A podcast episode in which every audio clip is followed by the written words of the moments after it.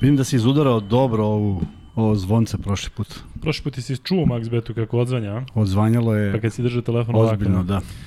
Dobrodošli u 59. izdanje podcasta sa Lukom i Kuzmom i e, konačno smo kompletni, dakle tu sam i ja, tu je i Kuzma, tu je i Vanja, malo smo se rotili, znate da sam ja bio jedan podcast na odmoru, pa je Kuzma bio, pa i Vanja bio, pa smo ovaj, sad konačno zajedno i pravi moment, zato što počinje naravno evropsko prvenstvo. E, Kuzma, kakav si?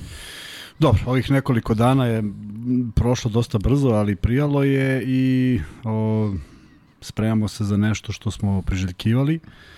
Za nešto što dočekujemo u jako dobroj atmosferi, s obzirom na dve pobede Srbije u kvalifikacijama za svetsko prvenstvo i zaista e, onako puni entuzijazma očekujemo ovo evropsko prvenstvo. Ali e, propustio sam taj jedan podcast koji je bio vrlo interesantan i vidim da je izazvao mnogo priče na tu temu e, šta je Stefan Jović rekao i onda samo prosto osjećam obavezu i potrebu da neke stvari pojasnim. Ovo, jeste, izjavio je da ga je Partizan tražio, stigo je odgovor pomoćnog trenera Partizana Vlade Androvića da to nije bilo tako i sada meni je sve tu potpuno ok, a, osim toga što neki gledaoci koji nam pišu očekuju da se mi za nešto izvinimo, da nešto... Da mi zvezdi, Da, stvarno da, da, da, da, da, da mi sad mi da treba... se izvinimo, pa to je Stefan rekao, Pa- a sigurno dečko ne laže, Upravo. pritom je on rekao da je, je počela priča, ne znamo ni od koga, i da on odmah tu priču zaustavio. Tako je, Ne tako znam je. šta, to što E. su sad preneli tako Tako je. da je njega, ne znam, zvao Bradović, to nije naš problem. Čuli ste šta je Stefan rekao? Momak je bio fantastičan i zaista mu hvala Upravo zato što to, je ovaj, upravo to. I sad tu je neko otvorio je rekao... dušu Jest, na mnogo ovaj, različitih tema, jest. a ljudi su se zakačili za to. E I sad- niste ogledali 58-icu, zaista ogledajte fenomenalno je. I rekao mi je Vanja da vas malo, malo popoćem da, s- da se e, da lajkujete i da subscribe-ujete. Šta još da rade? Šerujte. Svašta, Šerujte, svašta nešto radite. Snapchatujte, TikTokujte, sve što ide. To postoji, jel? Nemoj samo TikTokujte, je molim te. Ne znaš, ni ne znaš šta je. TikTok. Na Snapchat je sliku pošleš i svi vide pa te uzvrte sliku. Imaš ti Snapchat? Nemoj da me pitaš takve gluposti. Snapchat. Ovaj, super. E, kažu ovde da gledamo, izvini Kuzma, da gledamo... Uh, Završnicu gledat ćemo, gledali smo, da. Fenomenalno, videli Jest. smo da je produžetak i onda smo morali da se uključimo ovde sa vama. Ne da ne bude da čekate, ali, ali ispratit ćemo šta se izdešavalo makar na kraju. Nego da nastavim samo ovu priču. Ajde.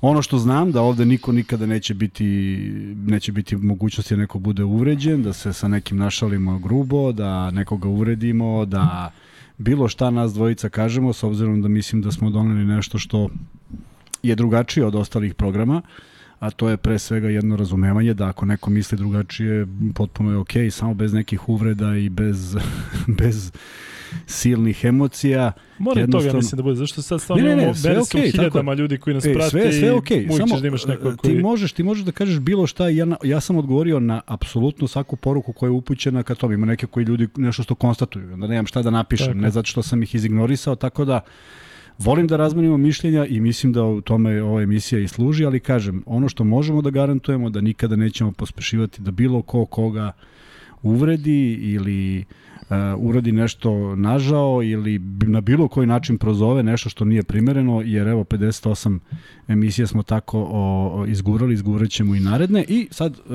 jedna digresija kako bi ovo sad moglo ako bi, ako bi ovo nekako zaživelo. Sad zamisli javi se Jova Stanojević i kaže nije istina da sam se ja izgubio kada je ono što je pričao Nikola Estertijević. Ili javi se Sale Đorđević kaže nije istina da sam rekao Šarencu to što je Šarenac. Ne možemo da snosimo odgovornost za nešto što su anegdote ljudi koji su nam ih ispričali. A pritom ljudi videli ste su ovde dakle opušteni, opušteni niko nešto, i- niti ima zlu nameru Da, i sve. i ne- Samo moramo da morate vi da shvatite, a verovatno ste do sada videli da mi zaista nismo e, na jednoj ili na drugoj strani, da se trudimo da budemo potpuno izbalansirani. Ako nekada to ode u nekom pravcu kao kad imamo gosta koji je bivši igrač Zvezde i vezuju ga ljudi za Zvezdu, onda nemojte vi da shvatite to pogrešno da, da na bilo koji način, zato što valjda ste nas shvatili do sada da zaista nikakvu... Nema nikakvih namera. Tako je. I još sam nešto razmišljao. Zamisli Steve Kerr kaže da Milović, gledajući naš podcast, kaže da Milović što je rekao nije.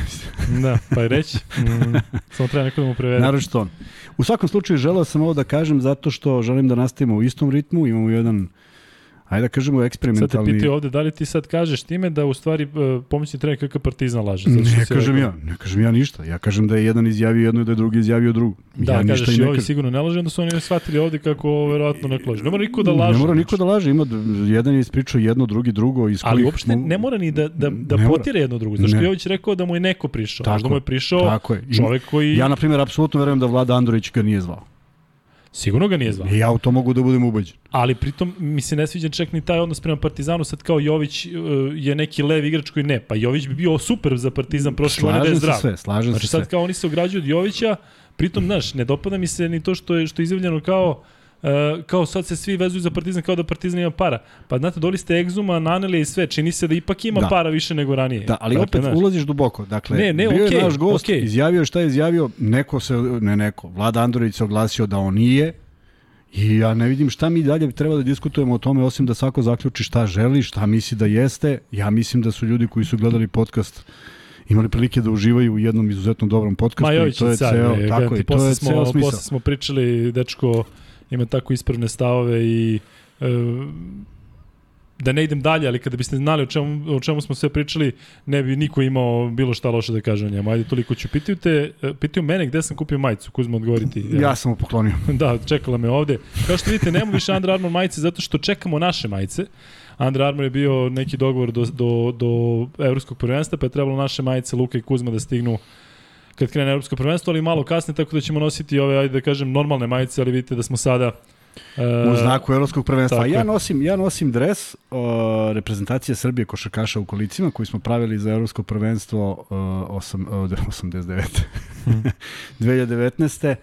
Uh, ovo je dres broj 12 Bobija Stankovića momka koji trenutno igra profesionalno i trener je na Kipru, pa ako gleda ovo, verujem da gleda često šalje poruke da ga pozdravim i eto, dobro mi je došao i još mi fino stoji.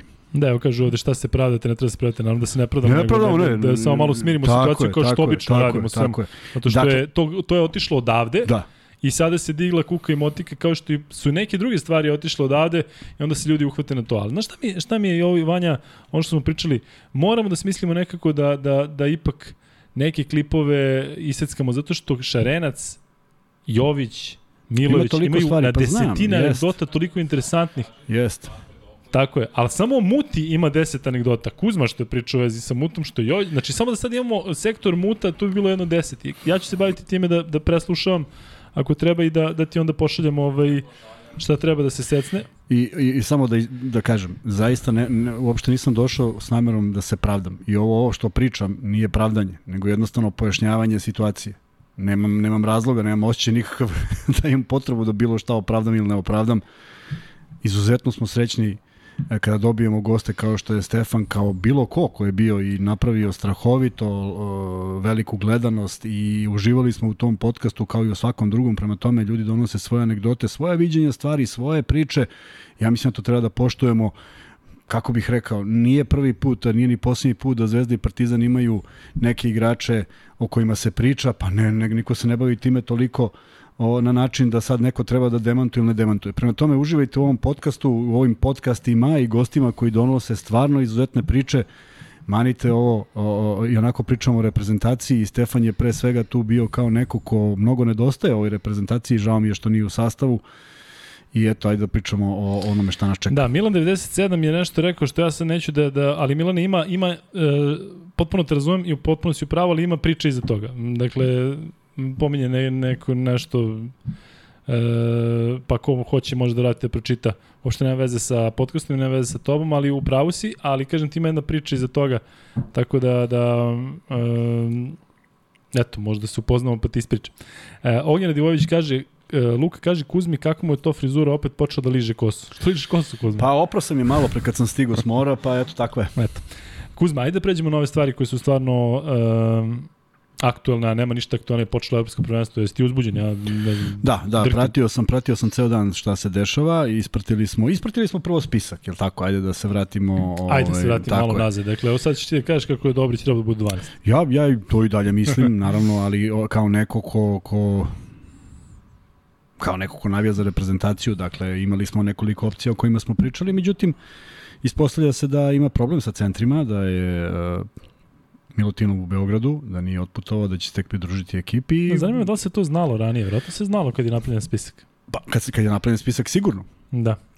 A, što znači da potpuno je i razumljivo zašto, zašto visok igrač. A to automatski znači da će Ristić sad imati minute u ovoj prvoj fazi.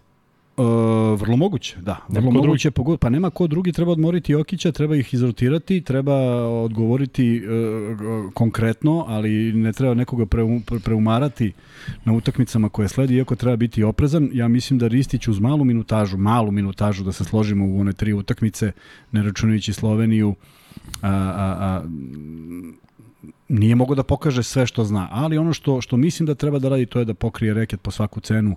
Poeni će doći sa svih strana sa kojih mogu da dođu i uh, ima još jedan drugi aspekt o kojem sam razmišljao. Uh, Ristić je momak koji će biti dostupan i za prozore u onim novembrima i februarima. Misliš da se razmišlja sada o tome? Pa mislim da mora i u krajnjem slučaju bolje da bude neko ko, ko, ko ja verujem da će Pešić nastavi, nastaviti kontinuitet i da će mi napraviti uspeh ovde. Dak- Dakle, odatle, odatle idem ka, ka onim nastavku uh, prozora.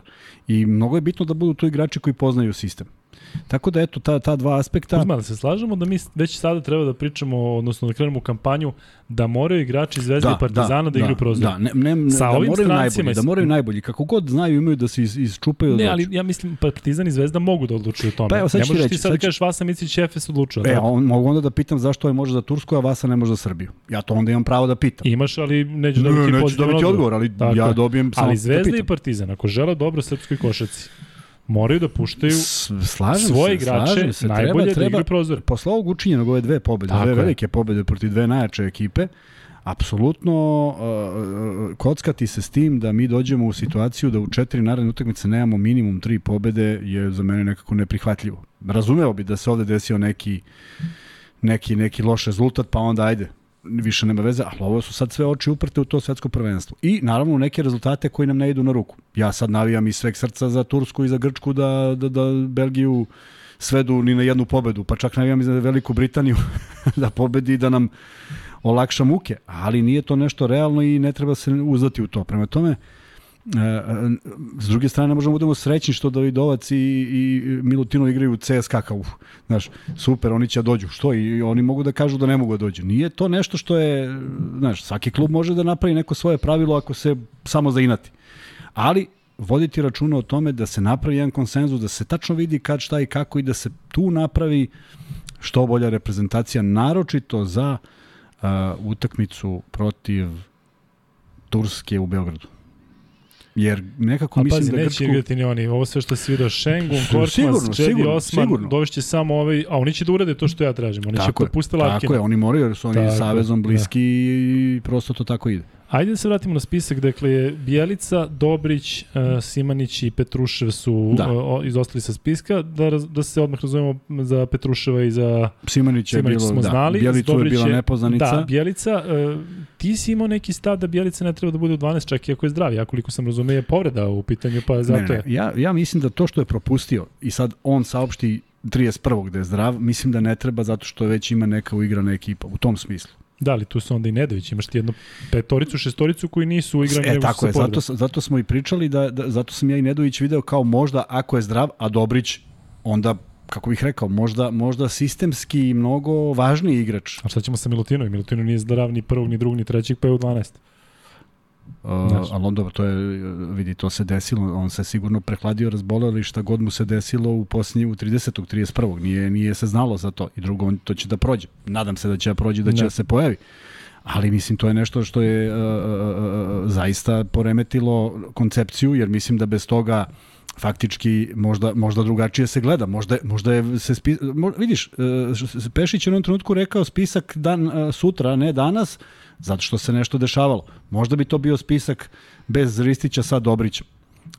Da je Milutinov uh, bio zdrav. Ne znamo, saznaćemo možda jednog dana ako bude bilo bitno, ali ono što je najvažnije da uh, je Pešić izabrao 12 igrača, ja mislim da imamo odličnu ekipu, mislim da imamo jako dobru atmosferu, gledao sam Guderovića u konferenciju za štampu, mislim da nema razloga da, da ne bude tako i mislim da nas čeka prilično dobar raspored onih ozbiljnih utakmica, a do tada da se još više uigraju i da uh, pokažu u svakoj utakmici pošto smo došli.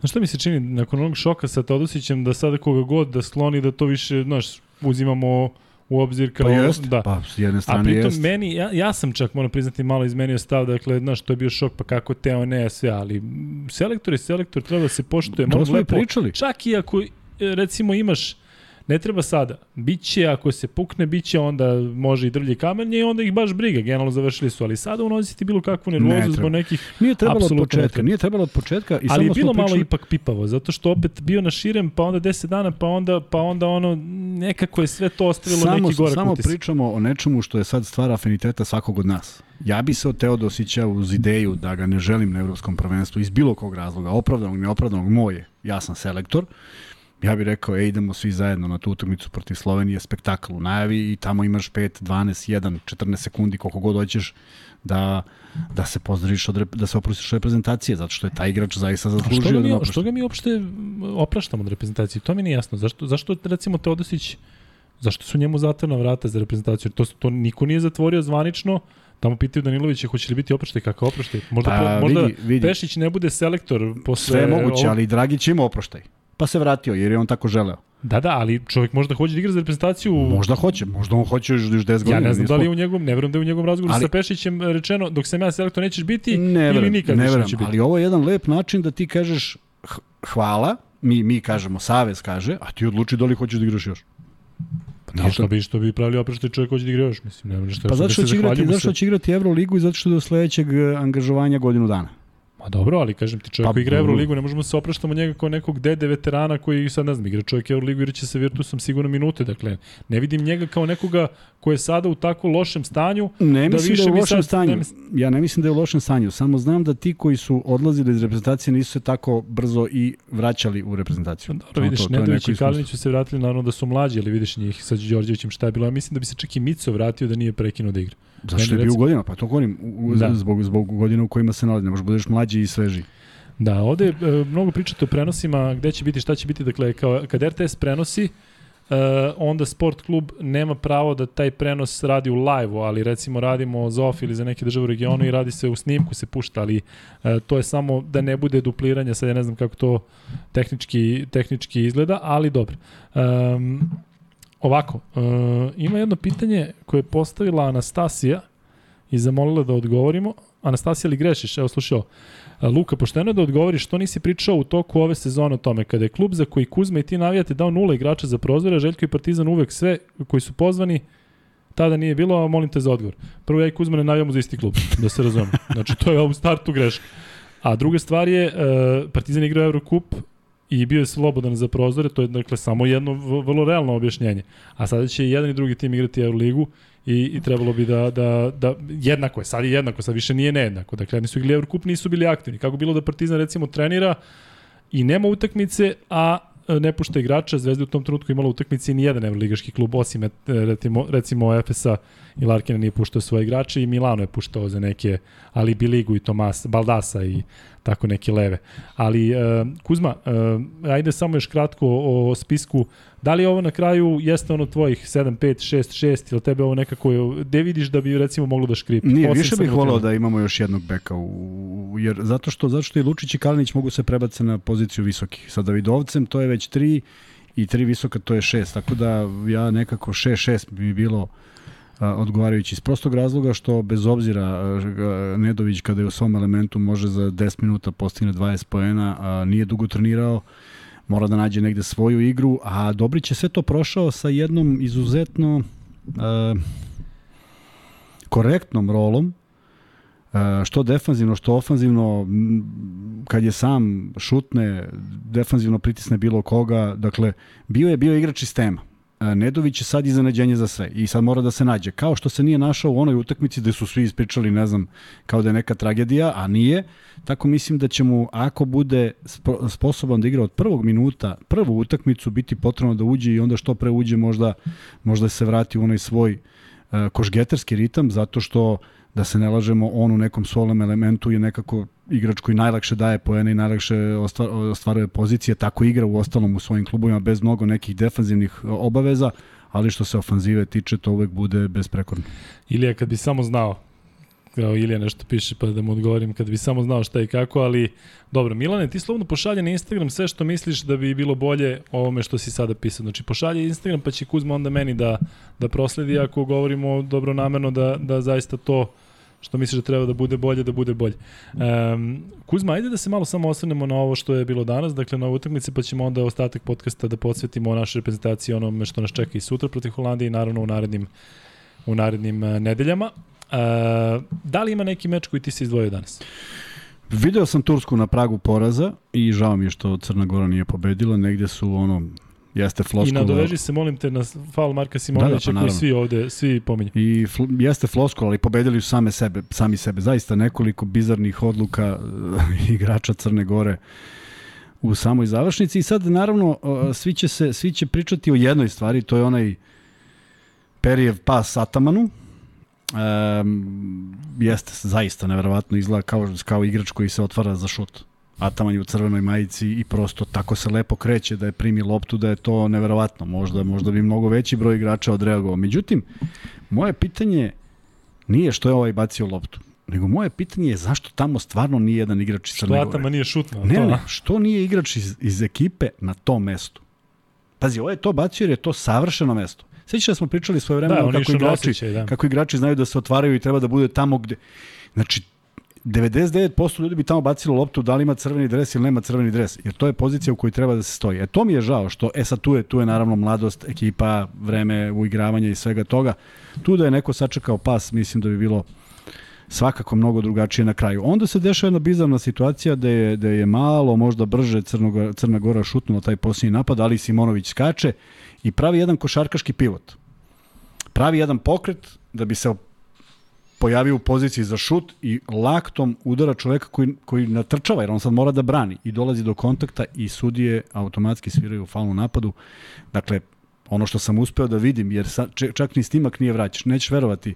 Imali smo u kadru duže jednu devojčicu iz Turske koja se ovaj da znam s tim kadrovima užasava, da, da se... užasava promašaja ili je srećna što je Crna Gora promašila, a ovaj snimak nismo ni videli na ponovljenom snimku. Uh, bojim se da neke snimke kako, kako takmičenje bude odmicalo nećemo gledati, ne. jer će FIBA pokušati da ih sakrije, pošto mi ovo apsolutno... Ono kad ulete golači ono na... Otprilike, pa kamera snima tako, tamo. Da. E, tako ćemo mi da gledamo nešto tamo pod, pod, pod krovom tribina, a ovo mi je apsolutno neshvatljivo zato što je Simonović, kako izbacio loptu i promašio, krenuo prema svojim saigračima da overi da ide na slobodno bacanje ne da ne sanja da mu je faul svira, ne, ne, nego, nego, nego nije ni Jasno je dao do znanja da, da nikada tako nešto tako ne doživo. Tako je, tako, ne, ne, naročito. A to su Fibine sudije, ja pa mislim da će odlučuju, u završnicama, tako utakmicu, znaš. A, I slična situacija je bila sada i Slovenija, Litvanija kada je bio faul na Dončiću i to nameran sa Bonisa. A, Da li je to siva zona, to, to e, branje svog prostora? Nekako mi se čini da ranije nisi smeo tako da priđeš nekome zato što on sme da ti udari laktom, pa zato što ti si u svom prostoru. Naravno. Jel se tu nešto zvanično promenilo, ne, da znaš? Ne znam, mislim da, da se sad... pravila dosta često menjaju, ja ih ne pratim jer nemam, nemam razlog da ih pratim, da ih baš uh, da. pomno pratim šta se dešava, zbunjuje nekad nešto. Ja mislim da bi cela ta Juba liga o kojoj ja volim da pričam bila na polju uz ovakav okret Simonovića i pivot, Prosto onda ne znam, znaš, ne znam, ne znam kako bi se okrenuo. Da. I onda, I onda je stalno pitanje ko se favorizuje, da li napadi, pa onda negde favorizuju napadača, daju mu neke prednosti, a onda odjednom sad ovde ispadne da je ovo bila odlična defanzivna pozicija turskog centra, što svakako nije. Tako da mi nije jasno i ostaje jedan glup osjećaj zato što je ovo Crna Gora zaista bila na korak od pobede i mislim da će se, su se mnogo iznervirali kada pogledaju način, način na koji su izgubili, uspeli su da drže, ne samo da drže, nego da vode dobar deo utakmice i da igraju jednu odličnu igru i zaista malo iskustva je možda nedostajalo da stanu na loptu i da nekako drugačije organizuju napade, ali šta je tu je? E, dobro, Turska, Crna Gora smo završili. E, Slovenija je pobedila Litvaniju, Bosna i Hercegovina je pobedila Mađarsku. E, jel ti se čini, ajde samo kratko o tome, da nikada reprezentacije iz regiona nisu bile jače? Nema Makedonije, ali svi imaju apsolutno Svi su došli šanse. da, u punim sastavima, apsolutno. Ne samo punim sastavima, nego jednostavno to su fil, timovi koje možeš da respektuješ. Pa je, na stranu što je Crna Gora izgubila. Jesu, ali vidi, Nurkić, nu, da, ali Nurkić i uh, Musa dva i onda ima i onda ima solidnih igrača. Dakle, Ali su oni- dobro uklopljeni kao tim. Sve to stoji. Međutim, e, nerešeno je bilo do 3 minuta pred kraj. Dakle, Jeste. nisu oni mnogo pobegli Mađarskoj. Nisu uopšte, ali Ne. tu bih se zadržao. Ajde da se vratimo samo na to, na to biranje stranaca. Dakle, Robertson je, ja mislim, igrač koga su lepo odabrali na poziciji jedinice. Bosna već e, godinama unazad bira pleve kao i Crna Gora. Jesi video uh, c, uh, stranca u Mađarskoj? Onaj Mikael Thompson. Ja ne znam ko je njega izabrao. Pa do, to su greške. Ali to, Kuzma, pa, ne. nema greške, nego, e, ne, ali sa- sam, sam da vidimo ovo. Dakle, Brian Dunston igra za Jermeniju. Bio je na e, Evropskom prvenstvu malih reprezentacija. Imaš fenomenalni igrač, JC Carroll igra za, igrao je za Azerbejdžan dok je bio aktivan. Imaš te primjer, Billy Baron igra za Tunis. Kako su mi Kako našli nađeš četvorku koja je igrao, igrao je drugu tursku ligu, pa je igrao u Balkanu, I onda je u CDViti kao malo ime, a, a, pošto ti njima daješ praktično, e, ja mislim da se ne plaćaju stranci, nego jednostavno dobiješ Pa, državljanstvo i onda ti naravno svoj ugovor naplatiš po većoj ceni, je. odnosno ne, ne plaćaš toliko porez. Ko je birao čoveka Ne koji znam. uporno čuva Možemo Nurkića? da pitamo. Uporno čuva Možemo da Nurkića. pitamo. Ali kažem ti, e, e, kada govorimo o strancima, neko je morao da kaže, ajde njega da pitam. Znam. Pritom, Mađarska uopšte nije loš tim. Ti imaš znači, Hangu kao lidera, imaš e, Vojvodu, Tako imaš je, tako onog je, Penkja, nisu- Kellera, Pa vidi, dva, dva, Alena, dva slobodna tim. bacanja, dva slobodna bacanja promašaju na četiri razlike, Jest. šut otvore na četiri razlike, znaš, to su... Da me ne shvati nešto pogrešno. Bosna je sasvim jedan kompaktan tim, ali ti primiš 95 pojena od Jeste. Bosne, koja je pre toga, dobro, bez Nurkića, ali igrala sa Bugarskom neki, neki mali, mali rezultat.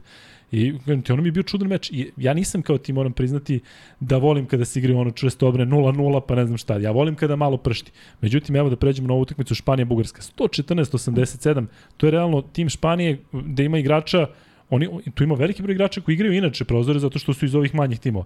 Oni Diaz, pa Para, pa ima, ima ih dosta. 114 pojena primiš. E, Bugarin koji je imao više skokova u napadu nego u odbrani, sve su im pohvatili. 114 pojena od takve, od, od takve Španije, krenuti meni je to nesvatljivo. Kako je moguće da primiš 114 pojena za 40 minuta da te neko buši sve vreme? Pa, mm, očigledno obaveze ne postoji neka defanzivna taktika, to jako teško prolazi bez obzira kako hoćeš da igraš makar na nekom, na nekom nivou da, da zaustaviš tu neku seriju u, u, samo u određenom periodu utakmica, kamoli celu. Da li će Bugarska biti ta koja će primati 114, ne znam. E, dosta pojena na svim utakmicama, realno gledajući. Šta se desilo na Gruziji? Dobila je Belgija 79-76 u produžetku. Šteta. Što, navio si za Gruziju? Ti Pa što da ne, pa Belgija nas je pobedila dva puta, ne. Ti si ne, pa inatimo se Belgija. Pa ne, pa naravno. Ali oni stvarno nisu pre, ja ne znam kako su nas pobedili. Dakle, ostaće, zaovek će ostati, dakle, mi sad odemo na svetsko prvenstvo. Kako je Belgija dobila nas u Belgiji? Ajde, da, a, a, ovde da nas kako dobije je? dole Da. na onih plus 11 koliko smo imali. Da. Ali dobro. Neobjašnjivo. Ajde da prokomentarišemo i meč e, Slovenija-Litvanija. E, Goran Dragić, Dončić, naravno, uz ove momke koji su svi dvocifreni, ja koliko sam razumeo, 10 pojena je dala ostatak ekipe, ako izmo ovih 5-6 igrača. E, jednostavno, imaju veliko poverenje, igraju rizično, igraju lepršavo, Litvan je preokrenula, Litvan je bila na korak od preokreta, dovoljno veliko iskustvo. to mi je recimo dobar meč, u smislu igra se na veliki broj pojena, imaš stvarno znalce na terenu, je, ali ne... se, tako je, imaš, vidiš šta se dešava. Tako je. I stil je takav, ali nisu nisu rupe koje se koje se koje možeš da puniš kako god hoćeš. Jednostavno postoji određena doza defanzive koja se ne igra može 40 minuta, ali ono kad je potrebno odigra i eto presudilo je to što imaju Dragića i Dončića apsolutno dva igrača koji znaju kako da igraju završnice. Ne ulazim u to da li su Litvanci malo pogrešili, ali eto jedan jedan e, nameran faul odvedete u jednu potpuno drugu priču i stvori se neka razlika e, neočekivano, onda Dragić postiže trojku i tako ulazi nervoza u jednu ekipu koja zavisi od šuta. Vrlo su slični sada jedni i drugi, malo unutrašnje igre, više, više spoljne, možda i malo sreća na neki način za Sloveniju, ali nije nezasluženo jer to je ekipa koja igra u tom ritmu, pobedili su sve osim jedne utakmice u ovom dosadašnjem delu, prema tome pobeda. A, 2017. ja koliko se sećam e, imali su isti tim s tim što je naravno bio Randolph, a sada je Tobi, dakle to je možda drugačiji tip visokog igrača, ali opet radi, radi šta treba. Tobi zaista toliko značajan ekipi, a znaš šta mi se dopalo kod Slovenije i zašto ja inače njih forsiram u smislu, zato što mi je žao što mi možda nemamo to u toliko meri, oni su non stop nasmeni. Ti kad vidiš jednog Tobija koji se udara u grudi, koji mlatara rukama Amerikanac, koji igra sa takvim žarom za Sloveniju, ne- mislim da on, on možda takav, i definitivno nije takav kada je bio u Valenciji, ali jednostavno uklopiš se u to da jednostavno oni stvarno uživaju. Prvo, prvo izaberu, izaberu te kao nekoga ko je bitan. On je apsolutno bitan i on, on osjeća tu bitnost. On nema u Valenciji čak ni toliko bitnu ulogu koliko je možda imao ovde. Drugo, prihvaćenje od možda i u jednom trenutku te 2017. najboljeg bekovskog para nacionalno kada se gleda što se tiče reprezentacije, je tako? Njih dvojica koji su bili ne, ne na vrhuncu, nego, nego i traju i dalje, koji su osvojili zlato i sad ti si odjednom njihov drug koji igraš sa njima i još ste prihvatili kako ste prihvatili i treba da igraš samo ono što znaš, ne treba da izmisliš ništa spektakularno. Tako da se odlično uklopio, bila jedna lepa rampa, video sam da je ovaj, Čančar vratio nekoga sa Jeste, zakucavanja sa da. polaganja, tako da to je jedna jako sposobna I ekipa. to baš takvu ekipu još više podine. Vidio se skaču, E, urlaju. tu, tu uvek, uvek smatram da je tu jedina šansa sporo i u reket, pa ko više izdrži. Uh, ono što smo imali problem, što je Srbija imala problem kad je Jokić u pitanju, to je što su ga čuvali niski igrači. Onda je jako teško provući se sa posta pored niskog igrača koji je dosta stabilniji i nezgodniji pa se okreće oko nogu i, i, i to je neki, neki adut njihov kako oni misle da igraju protiv visokih igrača, ali apsolutno jedina stvar da im se malo uspori igra i da se, da se igra što raznovrsnije. Ovako kada uđu u ekipu koja je vrlo slična, a, boga mi pokazali su ozbiljno dobar arsenal šuteva i, i ako neko pokušava se nadigrava na taj način, a Litvanci nisu uspeli kojima je to bazična škola košarke, ja bih tražio neko drugo rešenje pre, pre nego igrati tako. Kuzma, gledali smo ove utakmice u uh, prijateljskim onim uh, fazama, pa smo gledali naravno i prozore i to su ti timovi koji sad igraju na evropskom. Ko ti je favorit sada kada, kada se ostaneš? Dakle, ne, ne, ne mogu još, ne mogu još. Ali Mora prođe recimo, malo. Jel, na šta se meni čini? Da su ljudi otpisali Grčku nakon što su oni izgubili ovde u, u, u areni. Ne znam zašto. Grčka je meni e, preozbiljna, posebno kada se vrati Papa Janis i Papa Petru i kada Slukas bude zdrav i oni su nas mogli da dobiju, da se nalažemo, dakle ono je bilo na jednu loptu sreće. Na jednu pa je, loptu, tako je. Da sreća, pa, pa smo imali Jokića i njegovu genijalnost i nekako nam se sklopilo i mislim da smo ne, ne, zaslužili posle svega ekipa, što se desilo. Su, pogledaj sad kako su igrali drugi. Ako neko uđe u trku s njima, a mi smo ušli prvu četvrtinu, teško ko može da im da im parira sa tri brata. Potpuno sve jedno da li će neko od njih da pogodi trojku, oni su stalno visini na obruču. Ako oni to urade na evropskom prvenstvu, nema ko da ih zaustavi. Prema tome, E, oni su apsolutno i dalje favoriti. Malo mi sad pocenjujemo Španiju, znaš, jer ipak je to jedan miks. Pa je došao Lorenzo Brown koji nije igrač e, kojeg mi ovde baš nešto e, smatramo vrlo bitnim, a eto i ispostavilo se da je najbolji strelac. Igraće on neku svoju igru, ne znam koliko može da povede reprezentaciju ka nekom rezultatu, ali ne treba ih otpisati jer to, Nikako, kako da. si rekao, to su igrači koji su kroz prozore prolazili zajedno i mogu da budu vrlo nezgodni i mnogo će zavisti ko koga susreće u nekom, u nekoj razi, nekom razigravanju. I tu će biti neki faktor sreće. Bojim se da ove grupe dozvoljavaju malo i kalkulacija. Toliko ima ekipa u Baš grupama. da. Tako da mi se to ne sviđa. Jer... Jer... Ti se, ne sviđa ti se format taj? Pa ne, ne, ne, nisam razmišljao do ovog momenta, dok nisam izgovorio, ali sad ako gledam na koga ću da idem, daj možda i ja da pustim ovu utakmicu, mislim malo bez veze zvuči jer to su ob, obično obio glavu. Ali ali mnogo je, mnogo mnogo mi je, mnogo mi je glomazno i nekako, nekako kažem, postoji mogućnost da, da kombinuješ protiv koga ćeš da igraš. Jel ti je draži bi onaj format kada posle prve grupe ideš opet u neku grupu i se ukrštaš, da, pa onda, da, da, a, da, ili ovo da. sad A odmah onda, onda, si, da, onda, onda tu nema laži, nema prevare, Jeste. znaš, tu si Vučeš prosto, bodove. tako je, tu vučeš ovo, vučeš ono, moraš da igraš ovako, moraš da igraš onako, a, ne možeš sebi dozvoliš pad, ne možeš sebi dozvoliš da se opustiš, ne možeš ni jednu utakmicu da poceniš, ovde negde možda i možeš, ne kažem da će se dešavati i verujem da će se igrati u punom ritmu, ali prosto vrlo će biti interesantno ko na koga naleće u tom nekom uh, u tom nekom nastavku. Međutim, gledaj šta me zanima. Ja imam, imam neko dvojako, dvojako razmišljanje. Onako. Ja bih jako voleo da se neka ekipa od ovih malih koji su favorizovane kroz prozore sistemom takmičenja pojavi u, tom, u toj nekoj završnici. Šta misliš kad kažeš malo? Pa znači mislim ove ekipe koje nemaju Kao Belgija recimo. Mm, pa oni su čak neko ko je možda i ulagao u košarku, pa su se negde podigli na nivo toga da mogu da pobede da mogu da budu tu među tih 16 ekipa. Ne mislim da su oni neko ko, ko nema. Ali govorimo od 16. do 24. mesta. To su one ekipe koje uvek samo prošetuju. Ja bih volao bude neko od njih u tih 16. A ti da li recimo da su Crna Gora i, i Bosna ne male, ali da opet ja mislim nisu... da mogu, ne. Ja ih njih vidim u 16. Da. Uz malo sreće, uz, uz ne ovakvu završnicu, zaista bi ih video. Znači ovde je jedna lopta odlučivala, ovde da je Peri dodao Atamanu, Ataman šutno i pogodio bez koske, to je onda ozbiljna razlika za, za Crnu Goru. Prema tome, a, a, a, ako ne bude u tih 16, niko od ovih koji su kroz prozore prolazili pa se možda malo i, i, i ovaj, podigli, onda moram da pitam čemu služe prozori. Da li me razumeš? Znači nije sad bitno biti na, na, svetu, na, na evropskom prvenstvu, jer je 24 ekipe. Ako bi stavio 36, pa to bi bilo fenomenalno.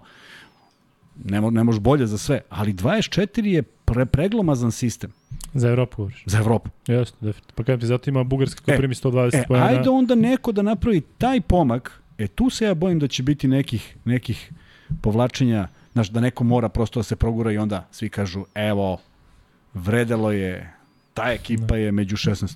Ne vidim smisla svega toga. A ali- zamisli kako bi bilo recimo da je 16 ekipa, pa da onda u istoj grupi su i Slovenija i E, mislim sad to jeste je da se krlješ sa svima, da se krlješ u grupu. A mi realno, evo polazimo od nas, mi realno nećemo imati jaku utakmicu u grupi. I Ko će nama biti protivnik da kažeš, e sad, Može neko Mislim, iznenađenje da nekom, može, nekom bude ali- dan i sve to. Ali Hoćemo ti da da, pričamo o da, Holandiji i igraš, igraš kao da su potpuno drugi, da, igraš potpuno drugi A, da. nivo košarke. I onda naletiš na osmini i četiri tako je, finala, pa tako ja mislim da smo zbog toga, sećaš se kako smo bušili sve na svetskom prvenstvu. 50 Porto Riko, 50 Filipina, E, ali svetsko- bilo, i opa, ali svetsko je lakše od evropskog. Uvek bilo svetsko je lakše od evropskog. Kako god to sad nekom zvučalo, mi su sad prepotentni, ali prosto dolaze sa drugih kontinenta koji da. nisu bili u nivou evropskog. Evropsko prvenstvo sa 16 ekipa je bilo jače od svetskog prvenstva. Vanja, e, dve stvari. Ajde, molim tu da napravimo deal. Ti upali klimu, ja ću da pozovem ljude da lajkuju. Može? Evo, znači, lajkujte, molim vas, da bi Vanja upalio klimu. A drugo, si vidio ovo što pišu da je Mitchell u Clevelandu? 100%, jel? Za koga, za? A da li je moguće da Nixi ne mogu da, da, da uzmu jednog igrača koji je All-Star? Samo da mi neko kaže ka- šta se tu dešava, dakle, da on... Kuzma, tvoje mišljenje je Mitchell u Clevelandu. Ne bih mogao sad o tome da vam pričam. Ali čuo si za Cleveland Cavaliers, nisi baš čuo, a? Cleveland? Cleveland. e, dobro, e, bilo je dosta pitanja ovde umeđu vremenu i nemojte se ljutiti ako nešto propustimo, ali e, mene ste pitali, ne mogu da vidim šta, nešto sam obećao da ću odgovoriti, ali nisam vidio. Ali znaš šta mi recimo kada se vratimo na, na Sloveniju? Luka, da li ti je iritantno delovo Dončić za onim smenjima i prepucavanjem sa navijačima? Dečko je baš poleteo. E, ajde da verujemo onima koji ga znaju, a Vučević je bio ovde i rekao da je prosto neverovatno da je on toliko deluje kao da ga je sramota kad ga hvališ, da je 100% na zemlji i ajde da verujemo njemu. Ne znam da li mu je lažan osmeh, mislim da nije, ali ono što se meni dopada kod reprezentacije Slovenije, imaš Dončića koji je odigrao katastrofalno, imaš Dončića koji šutirao 1 od 8 trojke, imaš Dončića koji je bacao airbolove i dobiješ Litvaniju. Ajde reci mi Kuzma, da li je to moguće kod nas? Da Jokić odigra tako loše i da ostatak, ostatak ekipe izvuče. A, Zato mislim da je Slovenija jaka, zato što imaju, imaju backup plan, imaju, jeste, znaš, jeste, jeste i vidi. e, Jeste drugačija igra kada, kada ne, ne, ne menja se toliko igra kada je Dončić van igre. Tako je, da, da. Njima se ne menja Jeste, mnogo igra. isti sistem, isto je sve mi Dragić taj koji preuzme Mi ipak da promenimo igru. Jeste. Promenimo igru iz prostog razloga što mi dalje imamo kvalitetne bekove, nije sporno. Ali dogo, konstatovali smo da kada Sidraš primi loptu u reketu, ozbiljna pometnja nastaje u odbrani. Dakle, on ima šest rešenja u tom momentu, verovatno ne, ne pet, nego šest i, i mi treba da gajimo taj stil. Ne treba uopšte da se poredimo s nekim, ali onda, onda kad igramo na, kada, kad je u Milut- Milutinovu igri koji je odigrao fenomenalnu utakmicu protiv Beše ovu posljednju protiv Turske, je tako bilo? kad je lopta išla u reket, mi igramo dovoljno kvalitetno, postižemo poene sve pod kontrolom Milutinovi protiv Grčke, i sećaš se Grčke, ispred. ali mi ne igramo isto. Nisu ni isti raspored u napadu, ništa se ne dešava. Pa je to dobro ili loše? To je dobro, to je zato što mi, mi, mi, mi posjedujemo to i možemo da igramo raznovrsno. Ovi igraju, da li ovaj tu ili nije i gaje taj stil i on je fenomenalan kad ide, kad ne ide, ne ide. Ali meni je, meni je bitno da iskoristimo to što imamo. Ne možemo mi sada da, zamisli da stavimo sad Milutinovu u istu poziciju kao Jokića. Video si koliko puta je Vasa Micić dodao Jokiću, koji napravi onaj jedan pap, pap, pa ga da, ili Milutinovu koji nije navikao da prima loptu u istom tom položaju na isto toliko od koša. Prosto mora da postoji razlika, nisu to dva ista igrača. Sreće pa imamo bekove, odnosno da, da kažem je. Micić koji znaju Tako je. I, da je tu, i, razlika. tako, I tu se tražilo, tu, zato je igravanje bilo, bilo bitno. Od tog momenta više Milutinov nije dobijao lopte kao što ih dobija Jokić na tom koraku ka košu. Jer ovaj se stvarno snađe i izmisli koš. E, šta je ovde? Ovde kad ne igra Dragić ili kad igra Dragića ne igra uh, Dončić ili kad igra Prepelića ne igra Dončić ili kad već bilo kako iskombinuju, to je vrlo slična igra. I bazirani su opet na šutu za tri. Koliko su šutnuli trojke? Znači, E, da li se Kuzma slaže da Litvan je veliki problem što nema dobrog pleja koji bi da razigrava? Da, pa dobro, Jokubaitis nije... Nije, taj klasičan tip. play, tako je. On je neko Da. ko može da igra i gleda, vidi jednu stranu jako dobro i dobar je koš A čudo. Litvanci su evo pitao ovde gde je Kalnijetis, ali oni su uvijek bili odmačulji, oni su uvijek se imali... Kalnijetis, ja sam, on mi je bio uvijek misterija da, da je uopšte Jeste. bio u reprezentaciji. Mislim, Ne, ne, trčuje, je- trčuje na prstima levo, desno, pa ne znaš na koju stranu Ne, će ne, uopšte. nesiguran je. Može da Nesiguran, pa 20 upravo i onda Da, da, da. baca loptu u aut. Da. Da. da ja sećam se Nije ono mi, nije mi Armaniju Ali dobro, imali su, Sinonim. ajde da kažem, neke playmakera. Sad imaš Lekavičiusa koji je okej, ali opet nizak, potpuno Mislim da se on, da on je u jednom trenutku bio najbolji playmaker u Evropi, ubedljivo. Ko? Lekavičius. Šta da je bio? Najbolji. Znači, pre tri godine kad je igrao za Žalgiris, on je igrao toliko tačno, ne govorim ti o kvalitetu ekipe, on je igrao toliko tačno. Da, nešto najgore bi imao u, na, u napadu u Žalgirisu imao mnogo zbiljniju ulogu od vas. Da, Da, da. ali on je toliko tačno i precizno igrao. Da eto, sad da li će neko da, znaš, da, da ne možeš ti da nekada, ali je bio izuzetan, be- bez obzira na visinu. Međutim, i on ima godine i sve se dešava, znaš, i, i, i- i Evropa ima problem, eto, ti si malo prespomenuo kako su uzeli jedni i drugi playmakera, pa i oni imaju problem da sačekaju nekoga da, da malo stasa. E, ali vrlo interesantnu sliku mi poslao Dragan Žikić, jedan prijatelj, pa moram ti kažem šta je poslao. Ajde. A vrlo interesantno, pa i sad ovo. Vrlo interesantnu sliku, pa da mi kažeš šta je posle. Da, Da, dve devojke u... u, Da u, u, Jel sme, jel mora posle 12? Ne, čekaj, slušaj. E, slika je selektora Litvanije. Dobro. Ono nešto što je besno, što je teo da bije. To. Kazis Maksivitis. Dobro. Osvojio je U16, U18 i U20 kao glavni trener Litvanije. Dobro. U16, U18 i U20. Znači čovjek je išao nekim putem, Ali mi da je to ta ista generacija, pa je samo... ne, potpuno sve jedno. Da. Neka je bila i jedna ista, ali su ljudi prepoznali da je on čovjek koji to dobro radi. 10 od 28 ima Slovenija za 3. A Nije- za dva? nije toliko nije strašno. toliko strašno, a? Za 2, 26 od 41. A, pa dobro, promenili su pristup. A ne, to bi je, ja mislim, to bi je promašio tri trojke, Da, da, ali da. je zato sve, Sve ispod skinuo, da. koša. Do, kažem još jednom dobra utakmica. Evo sada vidim da pratite i Francuska, Nemačka. Pišite nam malo da znamo i mi šta se dešava. Nemci vode e, u poslednji minutu prvog polovremena 35-30. Dakle, ajde da prođemo rezultate za one koji eventualno nisu pratili. Španija, Bugarska 114-87. Očekivano. Bosna, Mađarska 95-85. Zasluženo. Turska, Crna Gora 72-68. Velika šteta koju, koja samo da ne odvede Crnogorce u, u onu drugu fazu, znaš, gde smo bili, a A Turci su nekako idealni da ih klepiš. Uh, pazi, mislim da su izgorili. da li ikada pamtiš da je Turska napravila išta van Turske? 2002. Pa je, finale. da. Nisu- Ma te- nisu ja ne sećam pa neke nisu njihove velike da. pobede. Da, da. Koga? 2001. u Istanbulu i 2010. kada ono isto u Istanbulu. Tako je. Dakle, ja ne znam da su oni negde napravili bilo Nisu, šta. pa dobro. I to je konstantno su menjali trenera, ono Orhu, ne ne pa Ataman, pa onda dovedi ovog, pa onda sta, sa Bošem je bilo okej, ali sa strane, da oni urade nešto. I pritom su imali i dobre timove, Da, da, oni imali da, su ono da, Mehmet da, Tokur, da. Turkoglu, dakle Ku, uh, Kutlaj, znači ozbiljni su timovi to bili. I sada je ozbiljan tim, dakle oni imaju nekoliko NBA igrača, pristojnih igrača, pritom ovaj Šengu, ne znam zašto ga ljudi, nešto, on dečko ima 20 godina. Dakle, on je odigrao dobru sezonu u Houstonu, on je dečko koji ima smisla, malo slabiji šut i sada kao ne vole da porede njega Jokića. Naravno da nije za poređenje, ali on će biti jedan od najboljih centara u NBA ligi, ja sam to sigurno ako bude zdrav. A Kako vidi, se vidi, čini imaš, vidiš, imaš jednu stvar. Imaš, imaš selektora koji je apsolutno prekaljen i, i zna sve, ali on radi sa 6 do 7 igrača. Ali ne dižemo tog Atamana malo previše, a? Pa ne dižemo ga dva puta osvojio, nema šta ga Pa dižemo. osvoje Ne, dva puta, ali... Pa, ali ima strašnu ekipu, Znaš ono, što, sad- znaš ono što kaže uvek, kao sa onom ekipom E, je pa kao da, svako da, se, važi, to isto važi. Da. Ovaj on je uspeo se snađe tu i to je to je tako funkcioniše i 6-7 igrača vrti i on se u tome jako dobro snalazi, međutim ovde i šira klupa i mora drugačije da funkcioniše i mora da koristi sve igrače iz prostog razloga što je ritam utakmica takav. Ne znam da li je naviku, ne znam da li nije. Turska potpuno neubedljiva na ovoj utakmici. Nijednog trenutka se nije videlo da je to jedna ekipa koja pretenduje za nešto.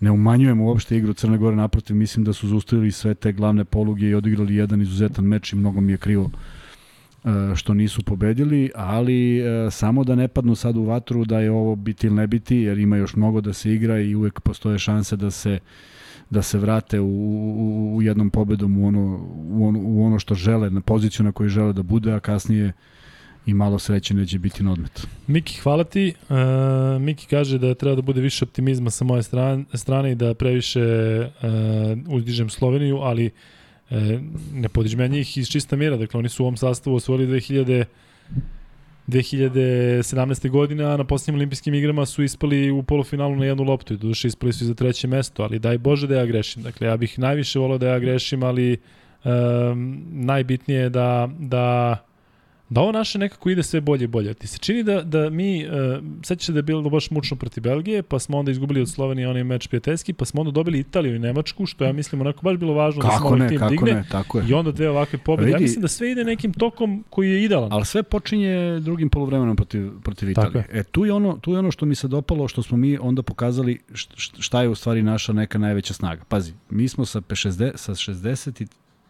53 smo primili. 53 smo primili u prvom poluvremenu, sveli smo ih na 33 poena. I igrali i bez, nismo razmišljali ni jednog trenutka koliki je rezultat. Tako mi je delovalo. Mi smo išli korak po korak. Nigde nije bilo jurnjeve trojka za, trojka, za trojkom, ništa.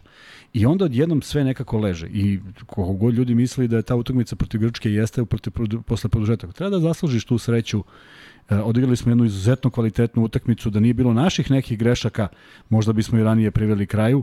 I onda a, dolazi Turska. Mnogo mi je žao što mi nismo Turke, mm, ono što sam rekao u prošlom podcastu, da vi se doktor Nesterović, Nestorović uključio prošli podcast.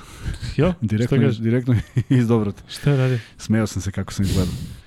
A ono kad si bio, da, Da. da, da jeste. Ovaj, Nisi znao da tako izgledaš, nisi? Nisam, dok, dok se nisam video. I, ovaj, I vrlo bitno, da, da, vrlo je bitno bilo da im pošaljemo poruku da nema šta da traže kad, ako se ponovo sretnemo na ovom evropskom prvenstvu. I to mi je žao što je izostalo.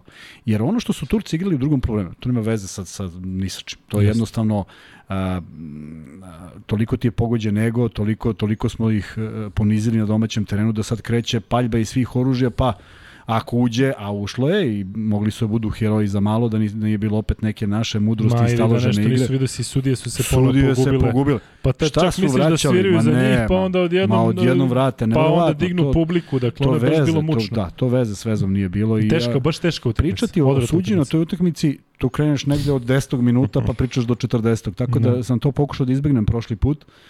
I drago mi je što mi nismo naseljali neke stvari, drago mi je što smo iznudili neke stvari. Dakle, ona dva faula Gudurića i ovoga i Kalinića e, govore o nekom iskustvu koji posjeduju ti igrači i onda naravno ono što najvažnije dolazi posle dva velika promašaja Kalinića, onaj moment kad je koji je vrlo bitan. E, mislim da smo mislim da smo samo pogrešili što smo upali u neku njihovu neku njihovu igru, u neku njihovu kao da su napravili kao da su napravili neki pritisak i izgubili smo onu stabilnost i onaj onaj vid igre iz prvog poluvremena. E, nije to bila savršena odbrana kojom su oni nas isterali, nego smo mi negde trošili vreme tapkajući loptu.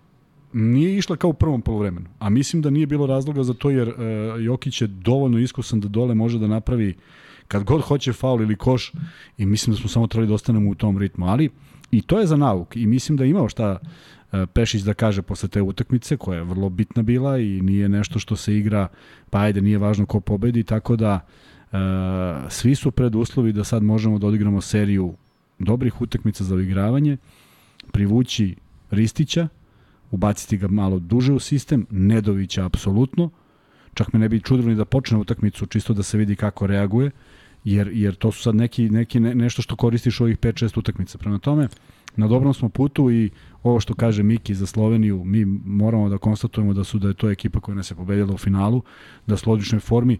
Ja ne mislim da su bolji od nas. Ma ne mislim ni ja, nego mi je žao Ne, zato što se Jokić igra košak i on je uvek na terenu najbolji kada igra kada se zabavlja, a nekako mi se čini da se oni trenutno od svih najbolje zabavljaju. Onda mi je žao što Pa mi nismo dobro. na tom nivou Pa dobro. da kažem, znaš, da Pa, bi, mi doći se ćemo, zabavljamo, mi se zabavljamo posle. Ali a- mislim da smo i mi napravili pritisak na naše mora, 100% ne mora. Pa vidi, Da, nama su dve utakmice moranje. Njima nisu odigrali su dve utakmice pa su jednu izgubili. Govoriš za, Pa za Slovence. prozore? Pa da. Pa da. A mi smo Pa morali. dobro, nije, nije njima bilo, jeste da, oni su Ma, u trećoj nije, grupi. nije, da. sve je drugačije. Znači, mi smo morali Da. i onda kad moraš, a, a čeće se da se digla halabuka sa dve najjače reprezentacije, što je ispalo idealno da igramo protiv njih u najjačem sastavu.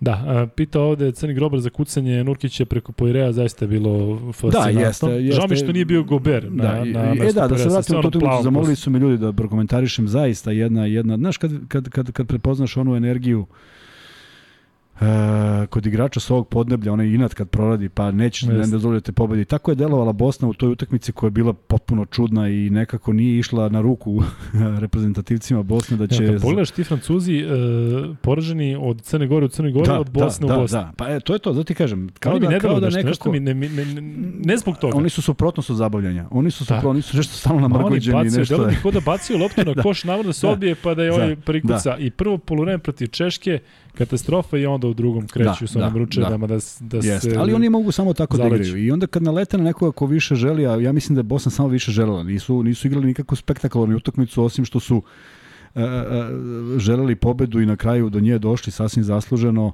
A iskreno priželjkujem neki meč sa njima u nekom trenutku, zato što ćemo mi košarkaški da ih dobijemo, a ne na to što oni idu već Da, da. ne znam koliko godina da. unazad, s tim što su oni imali i neke genijalce u ekipi Diao i taj Batum, to su stvarno košarkaški e, majstori, ali ovo sada delo je kao, dakle, trči, pa š, i ko, ko iz manje koraka prođe teren, taj je bolji. Kad se zalete onako pa osam zakucavanja za redom.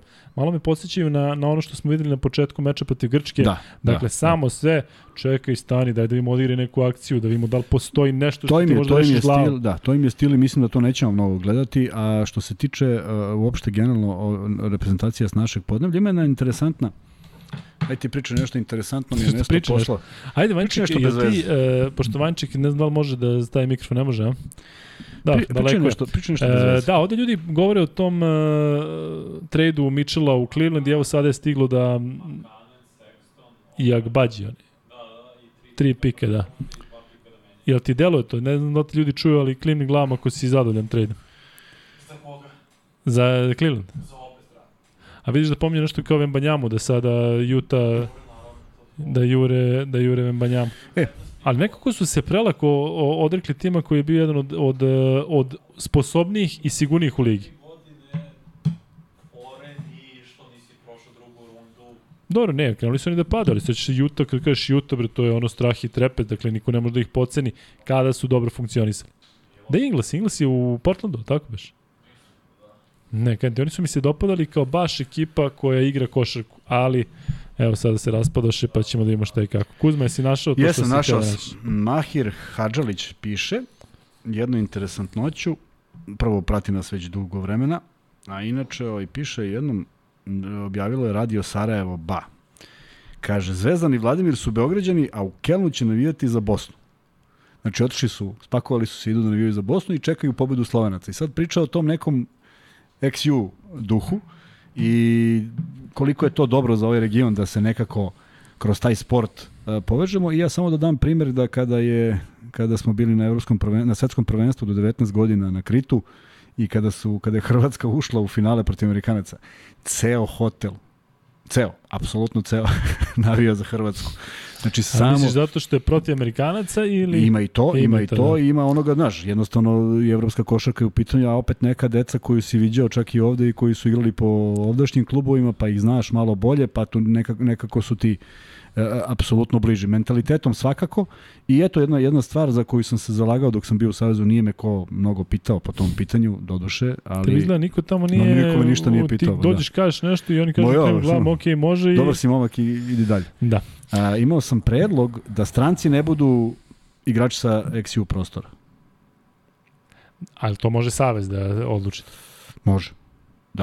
Da. Znači Nema ti, neka znači ti druga... kažeš, znači ti kažeš nećemo strance šveđane, ne, ne, poslova. nećemo, nećemo, ti kažeš nećemo šveđane, nećemo islanđane, hoćemo da se domaćim vodi taj crnogorski igrač koji ne može Šveđani zbog papira. Islanđani poznati po tome Poznati da po tome dolaze dolaze u u- KLS, da. Znači, moglo, moglo, moglo tako, se- zato što je lakša komunikacija. Te- Treba, tebe čovjek sve razume, trenera razumeš, e, pri, uslovi su isti, e, košarka je ista, mentalitet je isti. Ali znaš da, da igrači iz Hrvatske iz Bosne nisu ovde baš, nažalost, e, ne, u nekim timovima nisu baš dobrodošli, tako da pitanje kako bi to bilo. To se onda svodi na, na igrače iz Crne Gore, eventualno ne, vraćam se, vraćam se da su to, e, e, govorim za, de, za, za klince, za Aha, mlađe, za mlađe kategorije kad je bila priča ko stranci, a ja sam nekako mislio da ovi ne moraju da budu stranci, Kapiram. jer je komunikacija jednostavnija. Ako je došao neko da studira ovde ili da živi ovde ili baš je da- talent da dođe ovde, zašto da ne? Mnogo mu je lakša komunikacija pa ga doživiš kao nekoga bližeg nego da je baš stranac stranac. Da, pitaju ovde kako ćemo raditi za ovaj specijal i da li će biti gostiju. Dakle, specijal ćemo imati svaki dan s tim što će e, termini biti klizni. Dakle, sutra igramo e, protiv Holandije u 21, mi ćemo gledati da budemo ovde već u 23 i nešto, kada se završi e, podcast koji imaju kolegi ranije, ali recimo da već sada možemo da zakažemo Vanja za pola 12 sutra, tako? Dakle, čekamo vas sutra, meč protiv Holandije, da komentarišemo svi zajedno, mi ćemo se naravno Holandijom baviti najavom tog meča u nastavku podcasta, a što se tiče gostiju Kuzma, imaćemo goste tokom ovih specijala, tako? Zvaćemo ljude, nećemo da pričamo IT 20 dana za redom samo reality. što da nećemo. Zvaćemo, da, slobodno i vi dajte neki predlog, ali Kuzma da se zadržimo samo još malo na toj temi XU. E, Ajde. Da li, znaš da se uvek reciklira ta priča, kako bi izgledao sada tim, da li bismo mi mogli pa da Bože, Amerikanci? pa Evo sada e, pitanje za vas. Ajde vi, nije free bet, a imaćemo tri- po tri free beta e, svih 20 dana tokom, tokom specijala, ali hajde vi da nam kažete kako bi vam izgledalo 12 igrača XU e, po pozicijama, ne možemo stavimo sada 7 centara, ali da izaberete jednu 12-torku igrača iz XU, baš da vidim šta, šta mislite o tome. E, verovatno ću da stavljate Odosića u 12, ali Nek staviš šta god hoćeš, šta biće, god misle. Biće tako zanimljivo. Imaćemo naravno i free betove i, i danas u svakom slučaju Kuzma, uh, da vidimo samo šta rade Nemci protiv uh, Francuza. Vode Nemci 38-31. Da, da, kažu ničim granitna odbrana. Granitna odbrana Nemac. Kaže Aleksandar Branković, kaže Nemci odigrali atomsku odbranu i razmontirali Francuze. E, dobro, evo da vam ja Ali kažem nisu u sada. napadu nešto. E, pošto nije, nije zahvalno prognozirati. Francuzi će da dobiju Nemci. Evo, da se razumemo odmah, zato što sam toliko utakmica gledao jedne i druge, da Nemci stanu posle prvog poluvremena, a da Francuz doda gas i da onda dobije. Plus 7 je za Nemce, E, Francuzi dobiju ovo, kako će, mi, kako će me savatati ako, ako ispane da Nemci dobiju. Ne znam šta radi Šude, ne znam šta se dešava, ali nagledao sam se Francuza kako dodaju gas i kako proigraju i kako jednostavno fizički onda protivničke ekipe ne mogu, ne mogu da ih prate. Ali vidjet ćemo, posebno ne znam kako su, ne znam šta se dešava na centru, Nemci igraju bez pet startnih centara, odnosno poređeni su svi tamo i Kleber i Bartela, svi, svi, svi. Šta, gde su ovi Poire i Gober i, i ostale, Pa što ti ne ostale trojke i oni. zveri? Da. Ali vidi ovo, znaš da onu Linekerovu čuvenu? Linekerovu, Da. ajde da čujem koju. Potom ću se setiti. Z- Pa kakav, šta je futbol? Šta? Pa igra, kaže... Nemci pobedili. Pa da. Da. To, to je čudno da nije u košarci. Da, pa dok je bio Dirk, pa još i da kažeš, ali ovaj, sada, A, za mlađe koji ne znaju, futbol je igra u kojoj igra 11 protiv 11 i na kraju uvek pobede Nemci. kaže Raul Aranga, jao, evo teme iz edicije, tako nas zavadi. Nemojte da se, ovaj, da se zavadimo, nego nego dajte da vidimo ko bi tu bio na kecu, ko bi bio na petici. Baš me zanima šta mislite, ko bi pored Jokića iz regiona bio još centar. Dakle, da li Nurkić, da li Zubac, da li Vučević, dakle, to je, ne, ne, da li Milutinov, e, zaista neverovatno koliko je, koliko je dao ovaj region. Šta se dešava tu Kuzma u regionu, pa smo mi svi tako, kad pogledaš Crna Gora kako tim ima, kako ima, to su male države. Ajde, mi smo kao košarkaška nacija, ali um, ozbiljni, ozbiljni talenti. A nemoguće da volimo svi u regionu isto košarku. I žao mi za Makedoniju, oni neko baš is- ispadaju kao, kao Pa imali su onaj jedan, Da, imali su onaj bljesak, ali nekako, nekako... mm. Znaš šta, pojavili su se tu, tu slovenački igrači koji nisu ukrasili SFRJ. Smelt Olimpija je bila jedini učesnik, jeste bilo par e, reprezentativaca iz Slovenije. Tako i Makedonija imala par reprezentativaca i bio je taj Rabotnički, bio je taj MZT za koje mlađi verovatno ne znaju, ali nekako košarka se uvek igrala e, Srbija, Hrvatska, Crna Gora, i, i Bosna. I zaista je bilo neverovatnih igrača, prvo visinom, ne znaš da li je to u Bosni, da li, da li je to Dalmacija, da li je to Crna Gora, da li to igrači koji dolaze iz Srbije, ti, ne znam koliko je igračima poznato da su Pecarski i Bogosavljev iz Kikinde, možda veruješ, mislim, jedna, jedna destinacija koja ne daje baš nešto nadprosečne ljude, ali... je vi? Pecarski? Da. Okoline Kikinde, da li su iz Kikinde ili okoline, potpuno svejedno. Mislim da ih je Ranko Žerovica, bar Bokčeta je Ranko Žerovica pronašao negde. U svakom slučaju, ovaj, e, bilo je mnogo talentovanih igrača, mnogo se zapatila ta košarka 70-ih i 80-ih. Mnogo smo uspeha imali, mnogo se i dalje voli, možda manje nego ikada, što se vidi po činjenici da su svi tere- tereni mahom prazni, ali postoji taj taj gen koji koji za, za kolektivni sport, vidiš ti koliko je to neverovatno e, kada se pogleda jel beše uh, Australija 2016. Šta? Uh, najveći broj medalja smo doneli kući, mi. Jer smo iz svih ekipnih sportova uzeli da. po 20 medalja, na količinski, ne... Tako da ovaj, stvarno nam je negde, negde, negde nas je Bog Ne, Rio je podario. bio 2016. Rio, pa šta, šta da, sam rekao? Australija. Pa, ma gde sam, mi Sydney, pobedili smo Australiju, da. pa mi je ostalo Jeste Australija. za treći. Rio, tako je. Tu su tu najveći broj medalja donela Srbija kada se saberu muški i ženski ekipni sportovi, tako da uh, negde, a, a, vidi, a vidi koliko pričamo o tome da negde košarka gubi.